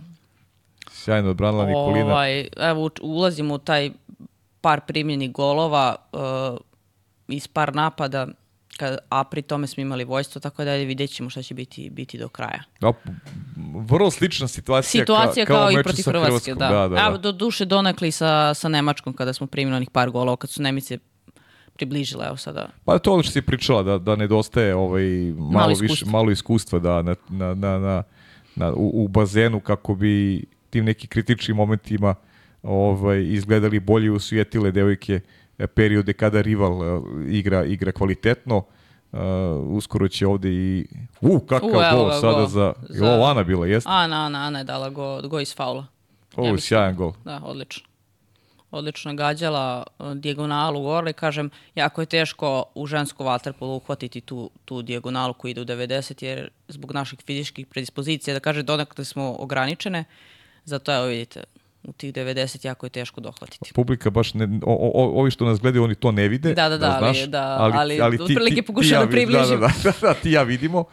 Dobro, 9-8 je završen ovaj treći period, Srbija vodi ipak neko prednost Da. srpskog tima uh, pred ovih završnih, uh, završnih 8 minuta i ovaj završna utakmica Srbije na šampionatu Evrope. Evo, htjeli smo i novi način da negde ovaj, Približimo koliko Pa možemo. da, da pričamo o ženskom vaterpolu i da naravno malo stavim da akcentujem i na muške, ali kaže, više ćemo pričati o muškom Da. u ponedeljak. Planiram da dovedem gosta nekog i da pričamo o muškom turniru više kao najava za, za završni dan, a onda ćemo u četvrtak, verujem, sa nekim od aktera prvenstva iz Zagreba uh, ovde u studiju uh, malo pomnije pričati o svemu onome što je pratilo uh, turnir, jer ne treba zaboraviti već u februaru muškarci Da. Sve. nažalost bez devojaka, uh, čeka ih svetsko prvenstvo, da Srpkinje neće igrati, ali zato, evo, Hrvatska ima priliku da su konkurenciji dama Pa- plasirana na, na svetsko prvenstvo. Da, ja bi jako, ja znam dosta devojaka iz, Iz iz Hrvatske, iz aha. Hrvatske. zajedno smo prošle te, kažem, mlađe kategorije, bili veliki rivali u Mhm. senjorskim konkurencijama. Ja bi iskreno volala da oni, da one, Isto, ja bih apsolutno su zaslužile i volala bih da odu na svetsko prvenstvo, da prva ekipa sa ovih prostora ex-Jugoslavije, Mhm. uh, da kaže, napravi neki iskorak. Ja im od sveh crka, srca to želim i nadam se da će isto. uspeti, jer ono što je, da kažem, što su odradili u prethodnom periodu, da kažem i Hrvatski savez ovaj, se potrudio da to na neki način, koliko god može, ovaj, pogura, što se kažem, Mhm. ka bolje, ovaj, zaslužuju to. Pa, ćemo vi, pa ćemo videti. Isto, ja im želim od srca i pa ne, neki rival za to sedmo mesto, ili tako? Da, mislim, Verovatno da, da, bi da. trebalo bude Britanija. Britanija. Britanija, jer, ono što... Ne, jer- ne, fra, lažem, Francus, ne. Francuska, Britanija, Britanija, Britanija. Britanija. Oni igri, misli, sa Francuskom u tom malom Nešto četvrtfinalu. se oni uko, u, ukrštaju, Sad da vidim. ali pogledaj. Ne mogu da setim s kim igra Hrvatska u tom malom. Da, prvo ide Čet- na Francusku, pa ako izgubi ide na Britaniju. Ne, ta, pa Da, to je, da. ja mislim da je to, ovaj, Da, da, da, je da. to opcija. Uh, mislim, ver, velika verovatnoća da će Francuska da, da pobedi. Sad Tako ćemo je. vidjeti koji će biti rezultat, ono što ja mislim. I ići će odatle na, na Britaniju. Opet, kaže, Britanke su, kažem, sveže u ovom, u ovom sistemu takmičenja u Evropskom prvenstvu. Tako da, zavisno ako... Da, da, Hrvatska One- i Francuska igraju od, od 16, a onda a, Britanija i Mađarska, tu će Mađarice pobede. Mađarice će tu da Mađarice odrade su samo bolje, posao, da. da. Re, realno je da Hrvatska sedmo mesto igra sa Britanijom i tu ima šanse da Tu pobedi. ima šanse, samo sve zavisi kako će ući u meč. Mislim, uh, ono što Hrvatsku, da kažem, uh, problem imaju na centarskoj poziciji, imaju jednog klasičnog centra, Mhm. ostalo je pokušaj ulaska, ali imaju jako dobru tu spoljnu liniju za šut iz faula, što, što je bio problem, što smo imali problem s njima, taj šut iz faula, Mhm. jedan na jedan igra, Uh, tako da, eto, ja se nadam da će oni da iznenade Britanke i da reše tu svoju korist i da, eto, imaju priliku da igraju to svetsko prvenstvo. Da. Ako ne mi, eto, da budu Tako je, da bude neko, da, što kažeš, da ne bude prva ekipa iz i regiona E, koji će igrati da. na, na svetskom prvenstvu i takođe pridružujem se, ja im zaista želim od srca da, da uspeju u tome i, i sad ne delimo nikome savete, ali mislim da, da, da trebaju da sačuvaju, rekao bih, snagu i adute za, za taj meč sa Britanijom, da se ne troše Da, mnogo. da, ja se nadam da realno, će da realno se- mislim da. da je Francuska kvalitetnija ekipa i da, Jeste. da neki pot, e, znaš, neki fokus Hrvatica i stručno šta mora bude taj meč sa, sa Velikom Britanijom. Pa kao što sam rekla, francuska ekipa koja već ima, ovaj, doveli su jednu Mađaricu, ja mislim čak i na golu, da li je Amerikanka neka, nisam sigurna, neću sad da grešim dušu, ovaj, da budem ovaj, 100% igra i ne, na- ne nameravaju da stane sa naturalizovanjem igrača do, do, do sigurno do Pariza, tako da bi ja njih odigrala taj susret čisto da da kaže da smo odigrali na nekom psihološkom nivou, da probamo neke akcije koje bi mogli da, da materializujemo, a da se sačuvamo fizički i psihički, da se sačuvaju fizički i sačuvaju, da. psihički ovaj, za, za Britaniju. Jer Britanke su, da kažem, odradile svoj deo posla, prošle grupu, sad koliko su one spremne fizički za drugi deo, vidjet ćemo. Mislim, ja sam imala priliku da igram protiv britanskih ekipa, ovaj, m, plivački su tu i tamo, ali ajde vidjet ćemo sad šta možemo njih da očekujemo ovde protiv Hrvatske. Pa znaš kako je, gledamo sad Srbija i Izrael, pratimo, Britanija je dobila Izrael nakon boljeg izvođenja pet teraca, tako da Hrvatska je bila bolja od Srbije, pa eto, kad pogledamo i rezultate, malo pravimo tu vrstu Da. komp- komparacije, rekao bi da Hrvatski tekako ima šta traži u tom duelu sa, apsolutno, apsolutno. sa, sa, sa Velikom Britanijom.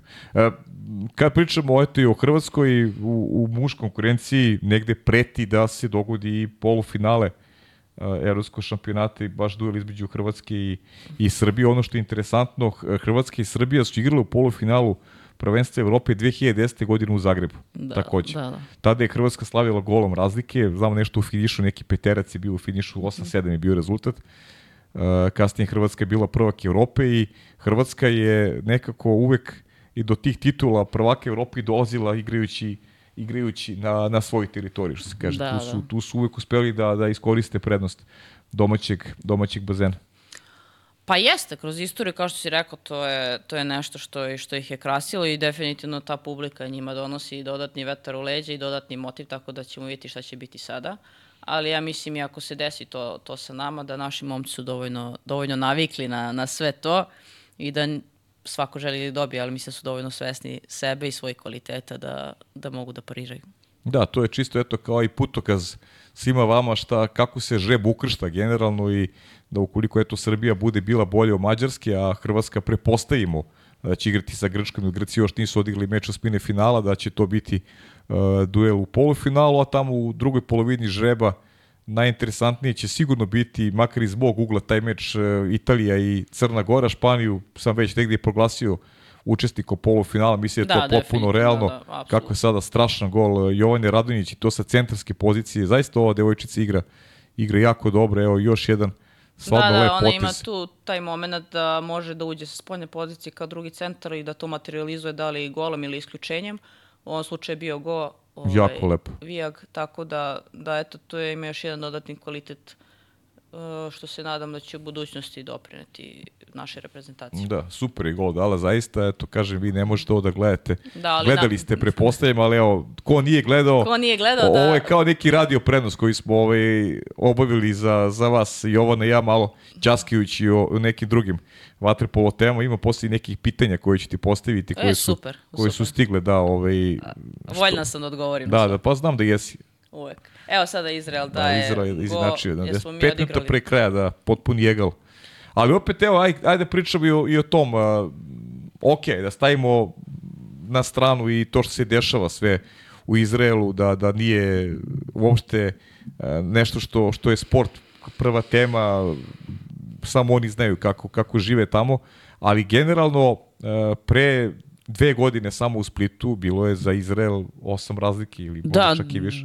da, mislim, stvarno su kad pričamo o tim, Da. eto, neki mali pomak, možda ipak možemo da pričamo o nekom malom pomaku u odnosu na, neće to biti kroz rezultat, ali možda kroz neku prezentaciju, da ne zaboravimo Zorana Kontića koji je sada u Da, stručnom da, štabu, Zoran Kodić je tada sada u stručnom štabu ovaj, reprezentacije. Ja sam imala priliku s njim da sarađujem, ali u svojim juniorskim danima, Mhm. tamo neke 2000, sad ću da ti kažem, osme, smo sarađivali. E, sigurno da svojim nekim znanjem i iskustvom koje je, ima dugogodišnje može da, da doprinesi i da pomogne i sigurno to radi na najbolji mogući način, tako da nadam se da će se zadržati u, u žensko vaterpolu i da će uspeti da, da, da kažem, u- uvede neke novine. Da, pa to bi, to bi zaista bilo sjajno. Mislim da, da, da kad je u pitanju, ajde da kažem, neka, neka ovaj, uh, disciplina igre i, znaš, bilo je tu padova, evo, ima Evo ih, sada. sada Izrael vodi sa, Nažalost, primili smo go sa... sa, igrač, sa igrači sa manje, da. Da, sa stative, ostavili smo samu stativu. Ovo je prvo vojstvo Izraela. Eto sad, sad to što smo pričali, ti momenti kada, kada treba neko da stane, da odigra odbranu, nažalost, to je mlađi igračice, evo, dešava se i ti situacije da ostavimo stativu samu i to.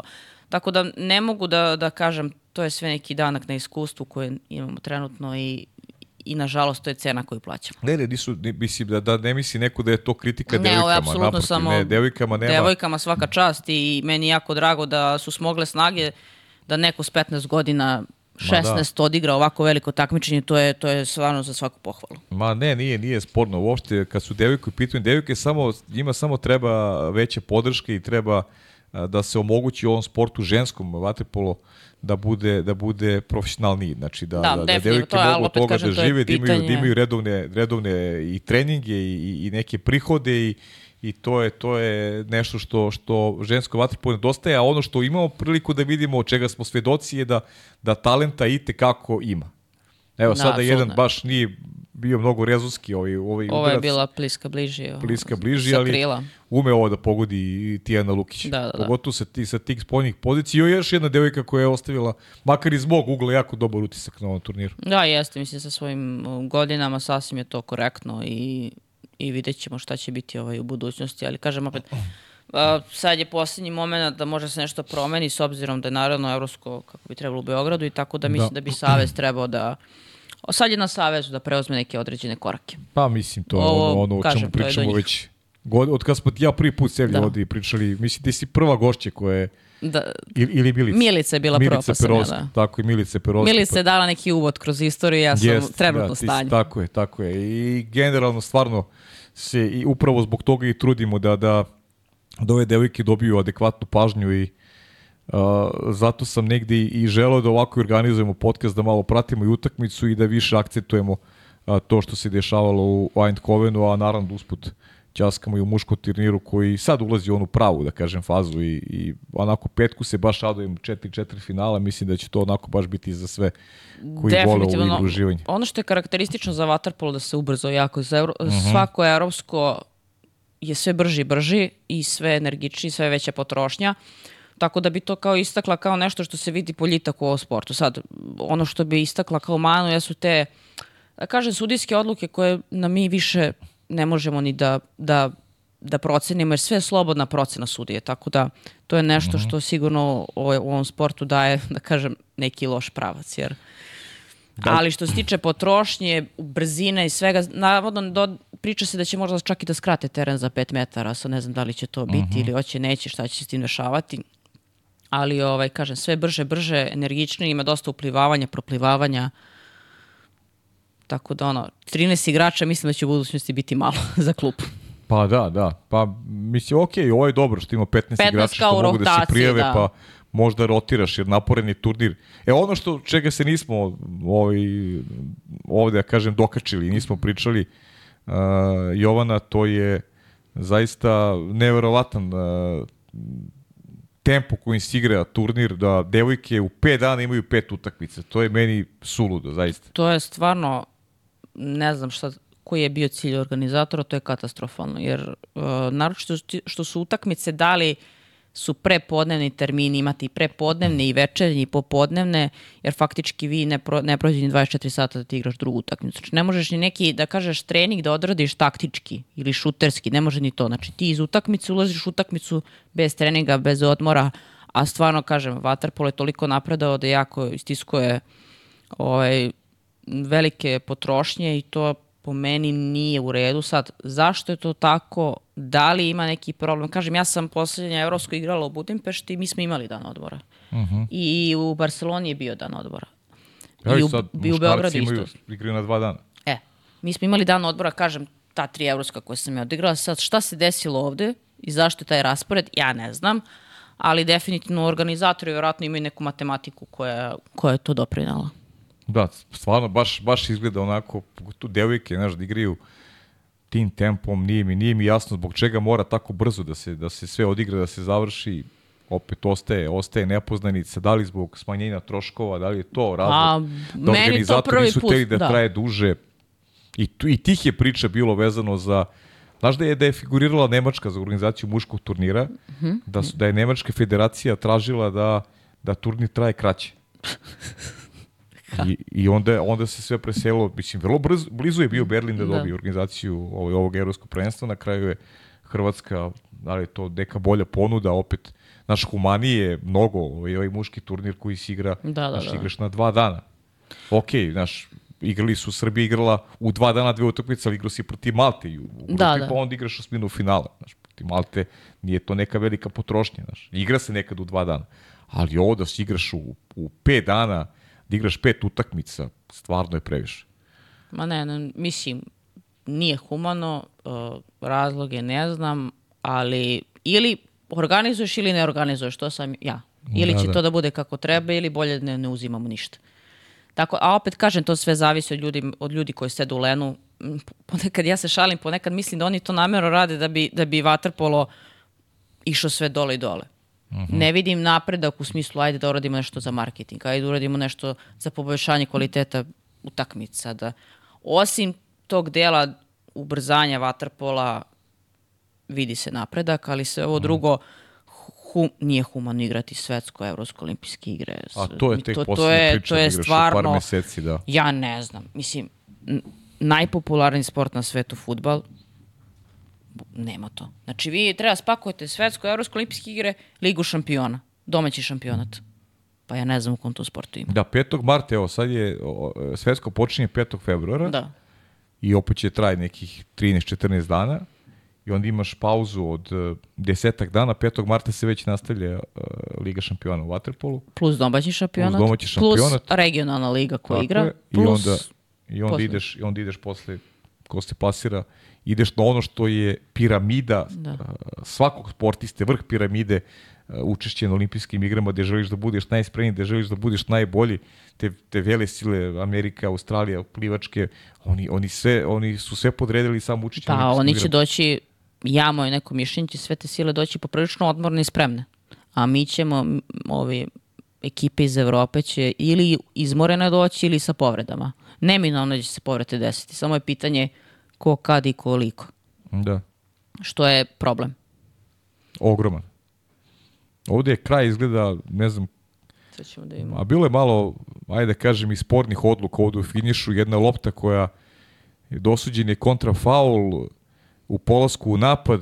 Izrael je dao gol za 13-12, sad je opet izgleda dosuđen faul, kontra faul uh, srpskom timu, tako da eto dve, dve odluke koje. Mislim da je kontrafaul, kontrafaul na, na, na centarskoj poziciji, vrlo verovatno se Pa to da, desio nešto. ali, ali pre toga bio, odbranile su devojke napad Izraela i u polasku napad im je sviđen, svira kontrafaul, Izrael odmah dao gol, sada u, u napadu Srbije opet svira kontrafaul, dakle dva kontrafaula a, srpskom timu za ovih 13-12, ajde nisam baš siguran najiskreniji, ali dobro. To Pa su, dobro, eto sad i tu ulazimo u problem jer možda kamera nije snimila taj Da, da, kontrafaul, jeste, ne zna se gde se šta desilo i to gledalaca do, dovodi do nedumice. Da, u zabludu neku. u da. zabludu šta, kako, gde, ali ajde vidjet ćemo. Ja bih volila ako se desi taj kontrafaul, bar da, da bude snimak tog kontrafaula ili da se približi gledalcima šta se desilo.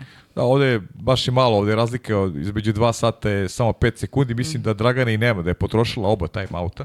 E, ja mislim da jeste, ja mislim da, jeste. Tako da, tako da ovde i ukoliko Srbija dođe do lopte, a Izrael će trošiti vreme do kraja. Trošit će do kraja. Pa da, tako da je zaista gotovo nemoguće misije za 4 sekunde Da, napraviti nešto i to je to. Istekao je Evo, Nina brani posledno. napad, pa da, ali evo, 3, sekunde ovde do kraja Da. i to je to kad To je u pitanju. Dakle, Izrael će ipak biti deveti, Deveti. na svetu. Dva puta su vodili Izraelke do ovom meču, ali to ono čemu Jovana je pričala, generalno to neko iskustvo, ali moram reći, ove dve sudijske odluke na kraju su, bile a sumnjive, baš su malo onako bile, pa sumnjive su, to ono što si rekla.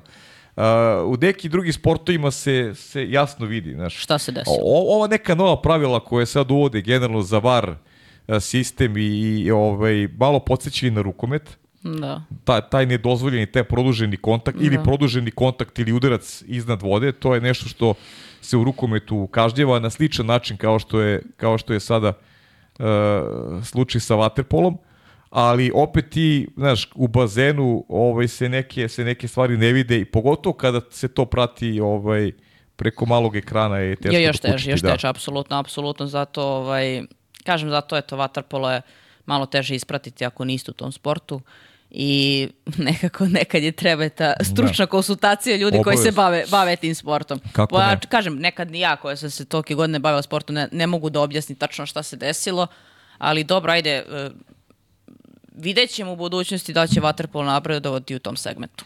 Pa da, nešto, nešto, mislim, znaš... e, Radi se nešto, ali da, kaže... mora se menja, ali znaš, sporo idu te konstruktivne promene. Znaš, Da. Ima mnogo više ovih kozmetičkih nego što su Da, da. konstruktivne. Bo, bojim se da, da mnogima te konstruktivni ne odgovaraju, Da. nažalost, ali ovo, ajde, vidjet ćemo u kom pravcu će sve ići. Kao što si rekla, igra se svakako ubrzala i postoje neki segmenti koji su, koji su ovaj, dobri, ali ima oni koji su onako nedorečeni i uh, neko obično gledalo su, znaš, ja, ja sam često pričao i s ljudima, mislim da, da uh, dekad publici treba i deliti upustvo, znaš, za, Da, da, da, da, da. ovaj, oko pravila igre i onoga što, što, što bi im pomoglo da, da lakše isprate ovaj, meč. Da, definitivno si u pravu, kažem, teško je kada, kada, si, kad nisi u tom sportu, ja opet to sve vučem paralelu sa futbalom, svako ko iole znanac koji je dva put video futbol može da, da razazna šta je faul, šta, je pre, šta nije faul, šta je korner, ovde kod nas to ide malo teže. Da li od golmana, nije od golmana, od igrača, nije od igrača i tako dalje i tako dalje. E, sad ću ti postaviti neka pitanja Može, ove, spremna koje, su, koje su stigla ovako da ima, samo da ti kažem, Mitar Letić. Nema pitanja, samo jedan veliki sportski pozdrav. Pozdrav za Mitu. Mita inače je bio pomoćni trener te prve godine u Vojvodini i odlično smo sarađivali. Dobro. Ovaj, a, i- izvesni gospodin Nikola Rađin, e, kako se snalaziš u ulozi van bazena? Pozdrav za, za, za šefa. O, šefa. Pozdrav puno za šefa. Pa dobro, ja sam, kada me Nikola pozvao, jako bila skeptična u prvom momentu, zato što uh, nikad nijedna žena nije bila pomoćni trener prvom muškom timu u Superligi. I sada treba naći neki autoritet i biti, imati autoritet nad njima, ali vrlo brzo sam se snašla i mislim da je za sad ok. Naravno, Nikola mi tu dosta pomaže i sigurno je on osoba od koje može dosta se nauči, tako da mislim da sam donela pravu odluku. Pa ćemo Dobro, vidjeti. jel slušaju? Slušaj, slušaj. O, odlični su. Čak Odlični možda su. više mene slušaju nego njega. Jel tako, a?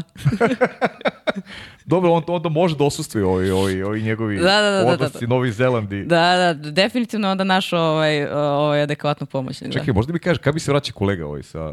Kad će biti u Beogradu? A, pa ne znam, on je trenutno pripremao na Kosovo i Metohiji, tako da će se vratiti za dva dana. Za dva dana? Da, da, ja mislim. Dobro, onda bi možda mogu u ponedljak ili ovaj, da mi se pridruži ovde da malo časkamo. Definitivno, ali zove ga ranije. Znaš da moraš ranije da ga zoveš? A, da, pa, znam ja s njim kako ti ide. Uh, zašto su devojke otkazivale poziv u, u reprezentaciju i imaš neki, neki, neki, neku informaciju i uh, problem sa levorukim igračicama ili A, za otkazivanje, ja sam čula da je neko, da su neke otkazali, ali ja nemam informaciju šta je u Mhm. pitanju. Da li je u pitanju jednostavno povreda ili drugi prioriteti, ja ne znam. Mhm. Kako to komentarišem? Pa, svako donosi svoju odluku i svako je odgovora za to šta on želi. Sigurno neko ima prioritet u odnosu na ovo ili suprotno. Što tiče levorukih igrača, definitivno smo u deficitu ovaj, Mhm. sa tim levorukim igračima, tako da, ajde, vidjet ćemo šta će bude u budućnosti, da će da, da se nešto promeni. Maja te pita prognoza za finale. Holandžanke i Španjolke Škon- ili neko drugo A, finale? Holandija, Španija. Za sada ono što sam ja videla, Mhm. to je to. Su italijenke su one u najjačem sastavu ili... Jesu, jesu, jesu. Jesu, one da, su igrale, pre, u Splitu su čini mi se igrale finale, tako bi? Da, da. U najjaču su sastavu došle, ali nekako ovaj, Holandija je pokazala najviše, Španija Mhm. uz nju najviše, kažem ti, onaj centarski tandem koji ima Španija stvarno je prikosnoven, tako da, ajde vidjet ćemo.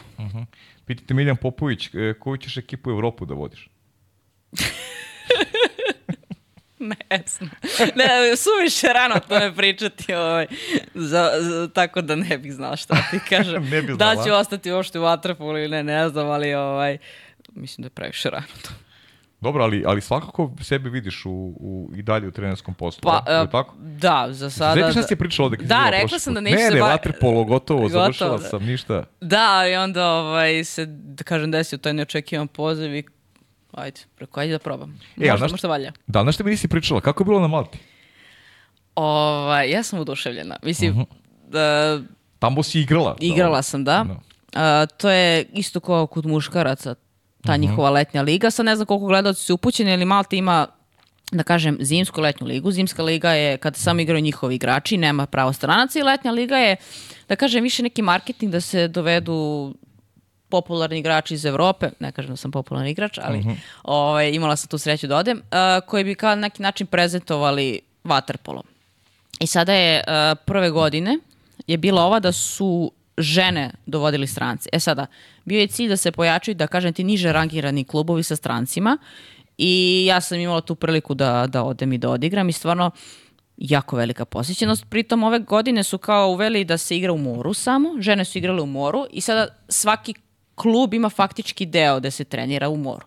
I tu dolaze gomila ljudi za svaku utakmicu, stvarno je ispraćeno super. Naravno, sve to na amaterskom nivou i još imaju problem i sa brojem sudija i sa njihovom obukom, ali što se tiče tog da su stvarno željni vaterpola, da vole da gledaju, da žele da uče, stvarno svaka im čast. I pitaju za savet i žele mm, da uvedu neki novi sistem i stvarno, stvarno su super. I jako mi drago da, i nadam se da će u nekoj budućnosti ovaj, to zauzeti neku bolju poziciju. Trenutno e, planiraju da ove godine bude dovođene samo jednog stranca, Aha. a od naredne da verovatno se skroz profesionalizuje da bude ta normalna zimska liga.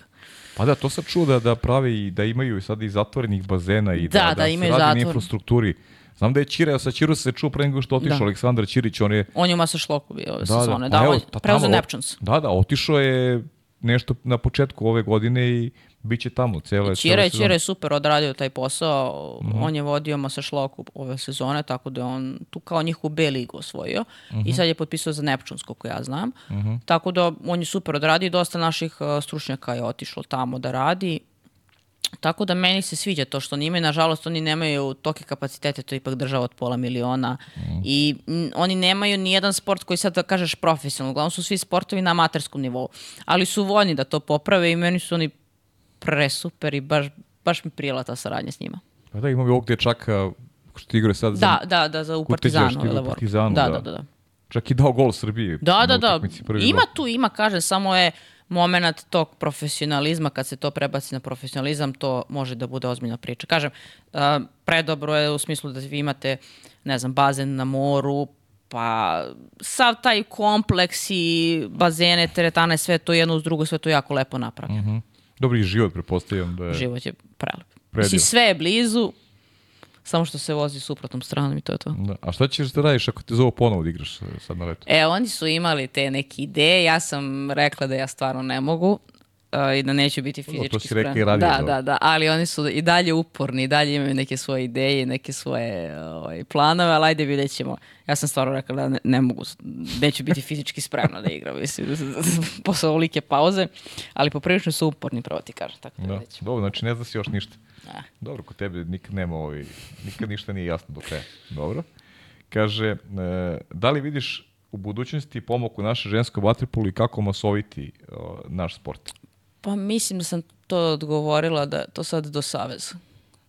Da oni moraju da povuku neke ovaj, korake, da vidimo na marketniškom nivou, na tom nekom finansijskom nivou i da pokuša to da se profesionalizuje da bi do, došlo do nekog efekta. Kažem, evo ja ću opet povući ovaj, paralelu sa futbalskim savezom koji je to, aj kažem, marketički podigao i sad vidimo da su futbalerke napravile stvarno dobre ove rezultate u posljednje vreme, tako da eto, da se prepiše recept futbolskog saveza. To je to. Dobro. Da, devojke su napredovale značajno. O, da, značajno, značajno, u kažem, fudbalu, da. ono što sam ja ispratila je to već mnogo, mnogo ozbiljnije. Imaš jedno onako škakljivo malo pitanje sad. Slobodno. Mare te pita da li misli da je vreme za promenu selektora ženske reprezentacije? Pa, ne znam, kažem, uh, to je ono št- čime Savez treba da se pozabavi. Na relaciji selektor-savez, šta se očekuje, da li je ovo, da kažem, test neki za budućnost ili nije. Sve zavisi koji su planovi Saveza i same selektorke. Aleksandar Milošević te puno pozdravlja, ona ima ovako jedno pitanje, kaže kao gledalac i navijač, da li mislite da je bilo loših odluka, sudijskih odluka u meču sa Hrvatskom koji su uticali nisko od meča, mislim da je period kada je bilo 7-4, onda svaki napad isključenje, pa onda kontra faul, bukvalno par minuta smo mogli da napadamo i tu smo ispali iz ritma po meni, kaže Aleksandar. Pa, kažem, uh, sigurno da je bilo, ne mogu da kažem ne, ali uh, ne mogu da kažem da su te sudijske odluke toliko uticale na, na rezultat. Isto mislim ja da, da ok, nisu. bude kontrafaul, ali taj moment našeg srljanja mislim da je više presudio nego par tih sudijskih Slažem odluka se, koje su se mislim da, desile. mislim da, da To je neko moje mišljenje, ja samo iskrena, ništa da, drugo. Da, trebalo da mi je malo više ovaj, koncentracije. I malo ovaj, više da neko stane na loptu, Mhm. da se taj napad igra do kraja, pa ako ništa ide lopta u korner ili negde drugde, nebitno, samo da se iscrpi to vreme koliko god je Mhm. maksimalno moguće. Slažem se s tobom, isto i ja sam i bio to, tog, ovaj, tog stava negde gledajući utakmicu, da ali to ono što si rekla i što smo pričali od početka emisije i to je neki i neka poruka da, da ne možemo da očekujemo od devojčica koji imaju 15-16 godina da budu od početka do kraja da budu uh, na taj način fokusirani i tako trezveno razmišljaju. Prosto, prosto to su deca i to je, to je mislim, i ne upira sam prstom u, u, u te devojčice, Ne, nego ne, prosto, devojčica. prosto govorim, prosto govorim o tome da, da je nemoguće pronaći ovaj način da, da, da, da, da, da neko ko je tako mlad razmišlja trezveno u svakom momentu. Mislim, Naravno, to je pa- popuno realno. To je, Sigurno, ako i ko ima želju za pobedom, to su one. a to su one, one najviše žele. Pa evo, još jedan primjer danas. A, da. I zato ti kažem, em, meni je ovde, e, možda je rezultat u, u Splitu bio bolji, kad Da. pogledaš na kraju Da. deveta pozicija. A, m- meni je utisak da je ovaj turnir e, Srbija odigrala uh, kvalitetniji nego taj u Splitu. I mislim da u tom negde postoji neki, ajde da kažemo, da kažemo neki pomak, ali da li je to dovoljno, slažem se da nije, ali da pomak neki je postojao. Kad pogledaš sad, ono što jeste problem, da. stalno pričamo o ženskom vaterpolu uh, kroz neku prizmu podmlađivanja. Da, da. Gde su te devojke koje su bile tu, a imaju 20 godina? Da. Znaš, zašto moraju da nosi devojčice od 15-16 godina? Da. One treba da budu tu da im pomognu te koje sad imaju 20, 21 godinu, 22, 3, 4, ne znam, da se tu bolje adaptiraju, da, da, da, da, da, da ovaj, se, se kroz tu neku priču gradi neki, ne, nešto se zove i, i neki pa, brend i ne znam. Pa naravno, ja bih voljela da se nekako ostvari ta neka komunikacija na relaciji Savez ženski vaterpol igračice, da se tu nekako nađe neki zajednički jezik, jer ja mislim samo nekom dvosmernom komunikacijom da, da možemo da rešimo ovaj trenutni problem koji je, koji je nastao. Mislim, uh mhm. -huh. problem. Svaki problem ima rešenje ako se ljudi dogovore. Da. Dobro, to je ovo, eto, tu ćemo da zatvorimo i priču vezanu za, za žensku ekipu. Naravno da će, ovaj, pričat ćemo još o ovom turniru, ima vremena sada, uh, reprezentaciju Srbije ne čekaju nikakve obaveze u Dohi, nažalost neće biti srpskog tima na svetskom šampionatu, tako da ćemo se još baviti ovim učešćem na evropskom šampionatu.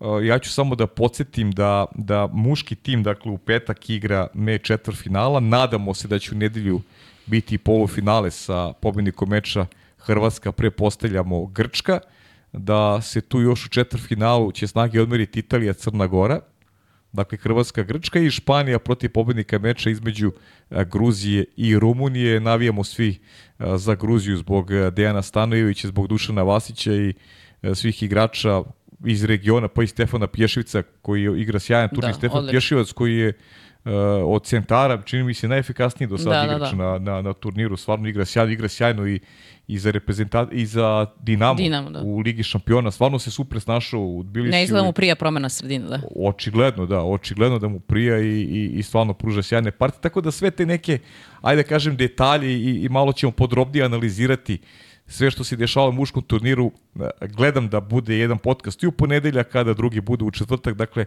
dva podcaste, volio bih da ih je bilo više, ali prosto ne stižemo od, od obaveze na, na sport klubu, a za svetsko prvenstvo u Dohi e, mislim da će biti i, i više, ne mislim, bit će sigurno i više emisije specializovanih i, i, i ovaj vezanih isključivo za ono što se dešava na svetskom prvenstvu. Ona, ili ima nešto što možda nismo prošli kroz ovaj pa gotovo jedno i po časovni razgovor, možda koji minut duži, ima nešto bi volao da kažeš za kraj?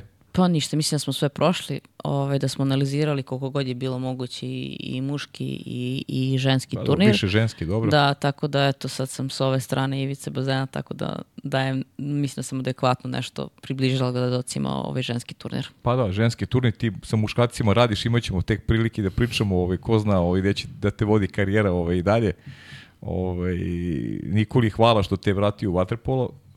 Moj kolega je divan i nadam se da će biti spreman da mi se pridruži ovde u ponedljak. Dugo nismo nešto radili zajedno, tako da... Hoće, hoće, samo ga zove ranije. Hoću da, zvaću ga, naravno. Obavezno. Zvaću ga, više zvaću ga obavezno. Više puta, da. Ne, ne, ne, ja sa njim kad se dogovorim nešto, to je amin, uvek je bilo tako, tako da ovaj veliki pozdrav i za njega i pozdrav za sve vaš, za vas koji gledate podcast pod kapicom.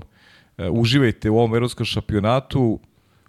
Čestitkam devojkama na, na partijama, pre svega znamo da vam je teško, da ste želeli bolji rezultat, ali e, glave gore i bit će prilika da se stvari poprave. Nadamo se da će neko ko odluči neki drugi stvarima ovaj, gledati na vas e, malo drugačiji način i da će to Evropsko prvenstvo u Beogradu biti motiv svima da vam se pomogne, da imate bolje uslove, da, da se bolje pripremite i da se u Beogradu ostvarite svoje snove i dođete do najvećeg rezultata koji je srpski ženski vaterpolo ikada imao. Eto, uz ovu poruku pozdravljam vas, Jovan, Jovan još jednom zahvaljujem na gostovanju, do neke sledeće prilike, a ono što sam zaboravio, ovo je bila 150. epizoda, dakle, eto, neki jubilej, pa red je bio da e, jubilej proslavimo s jednom divnom damom ovde u studiju, e, kad Aleksandra već nije tu, tako da vas sve zajedno sada pozdravljam i želim vam da provedete i ovo veče kako treba, a da uživate naravno i u praćenju vaterpola evropskog šampionata. Svako dobro.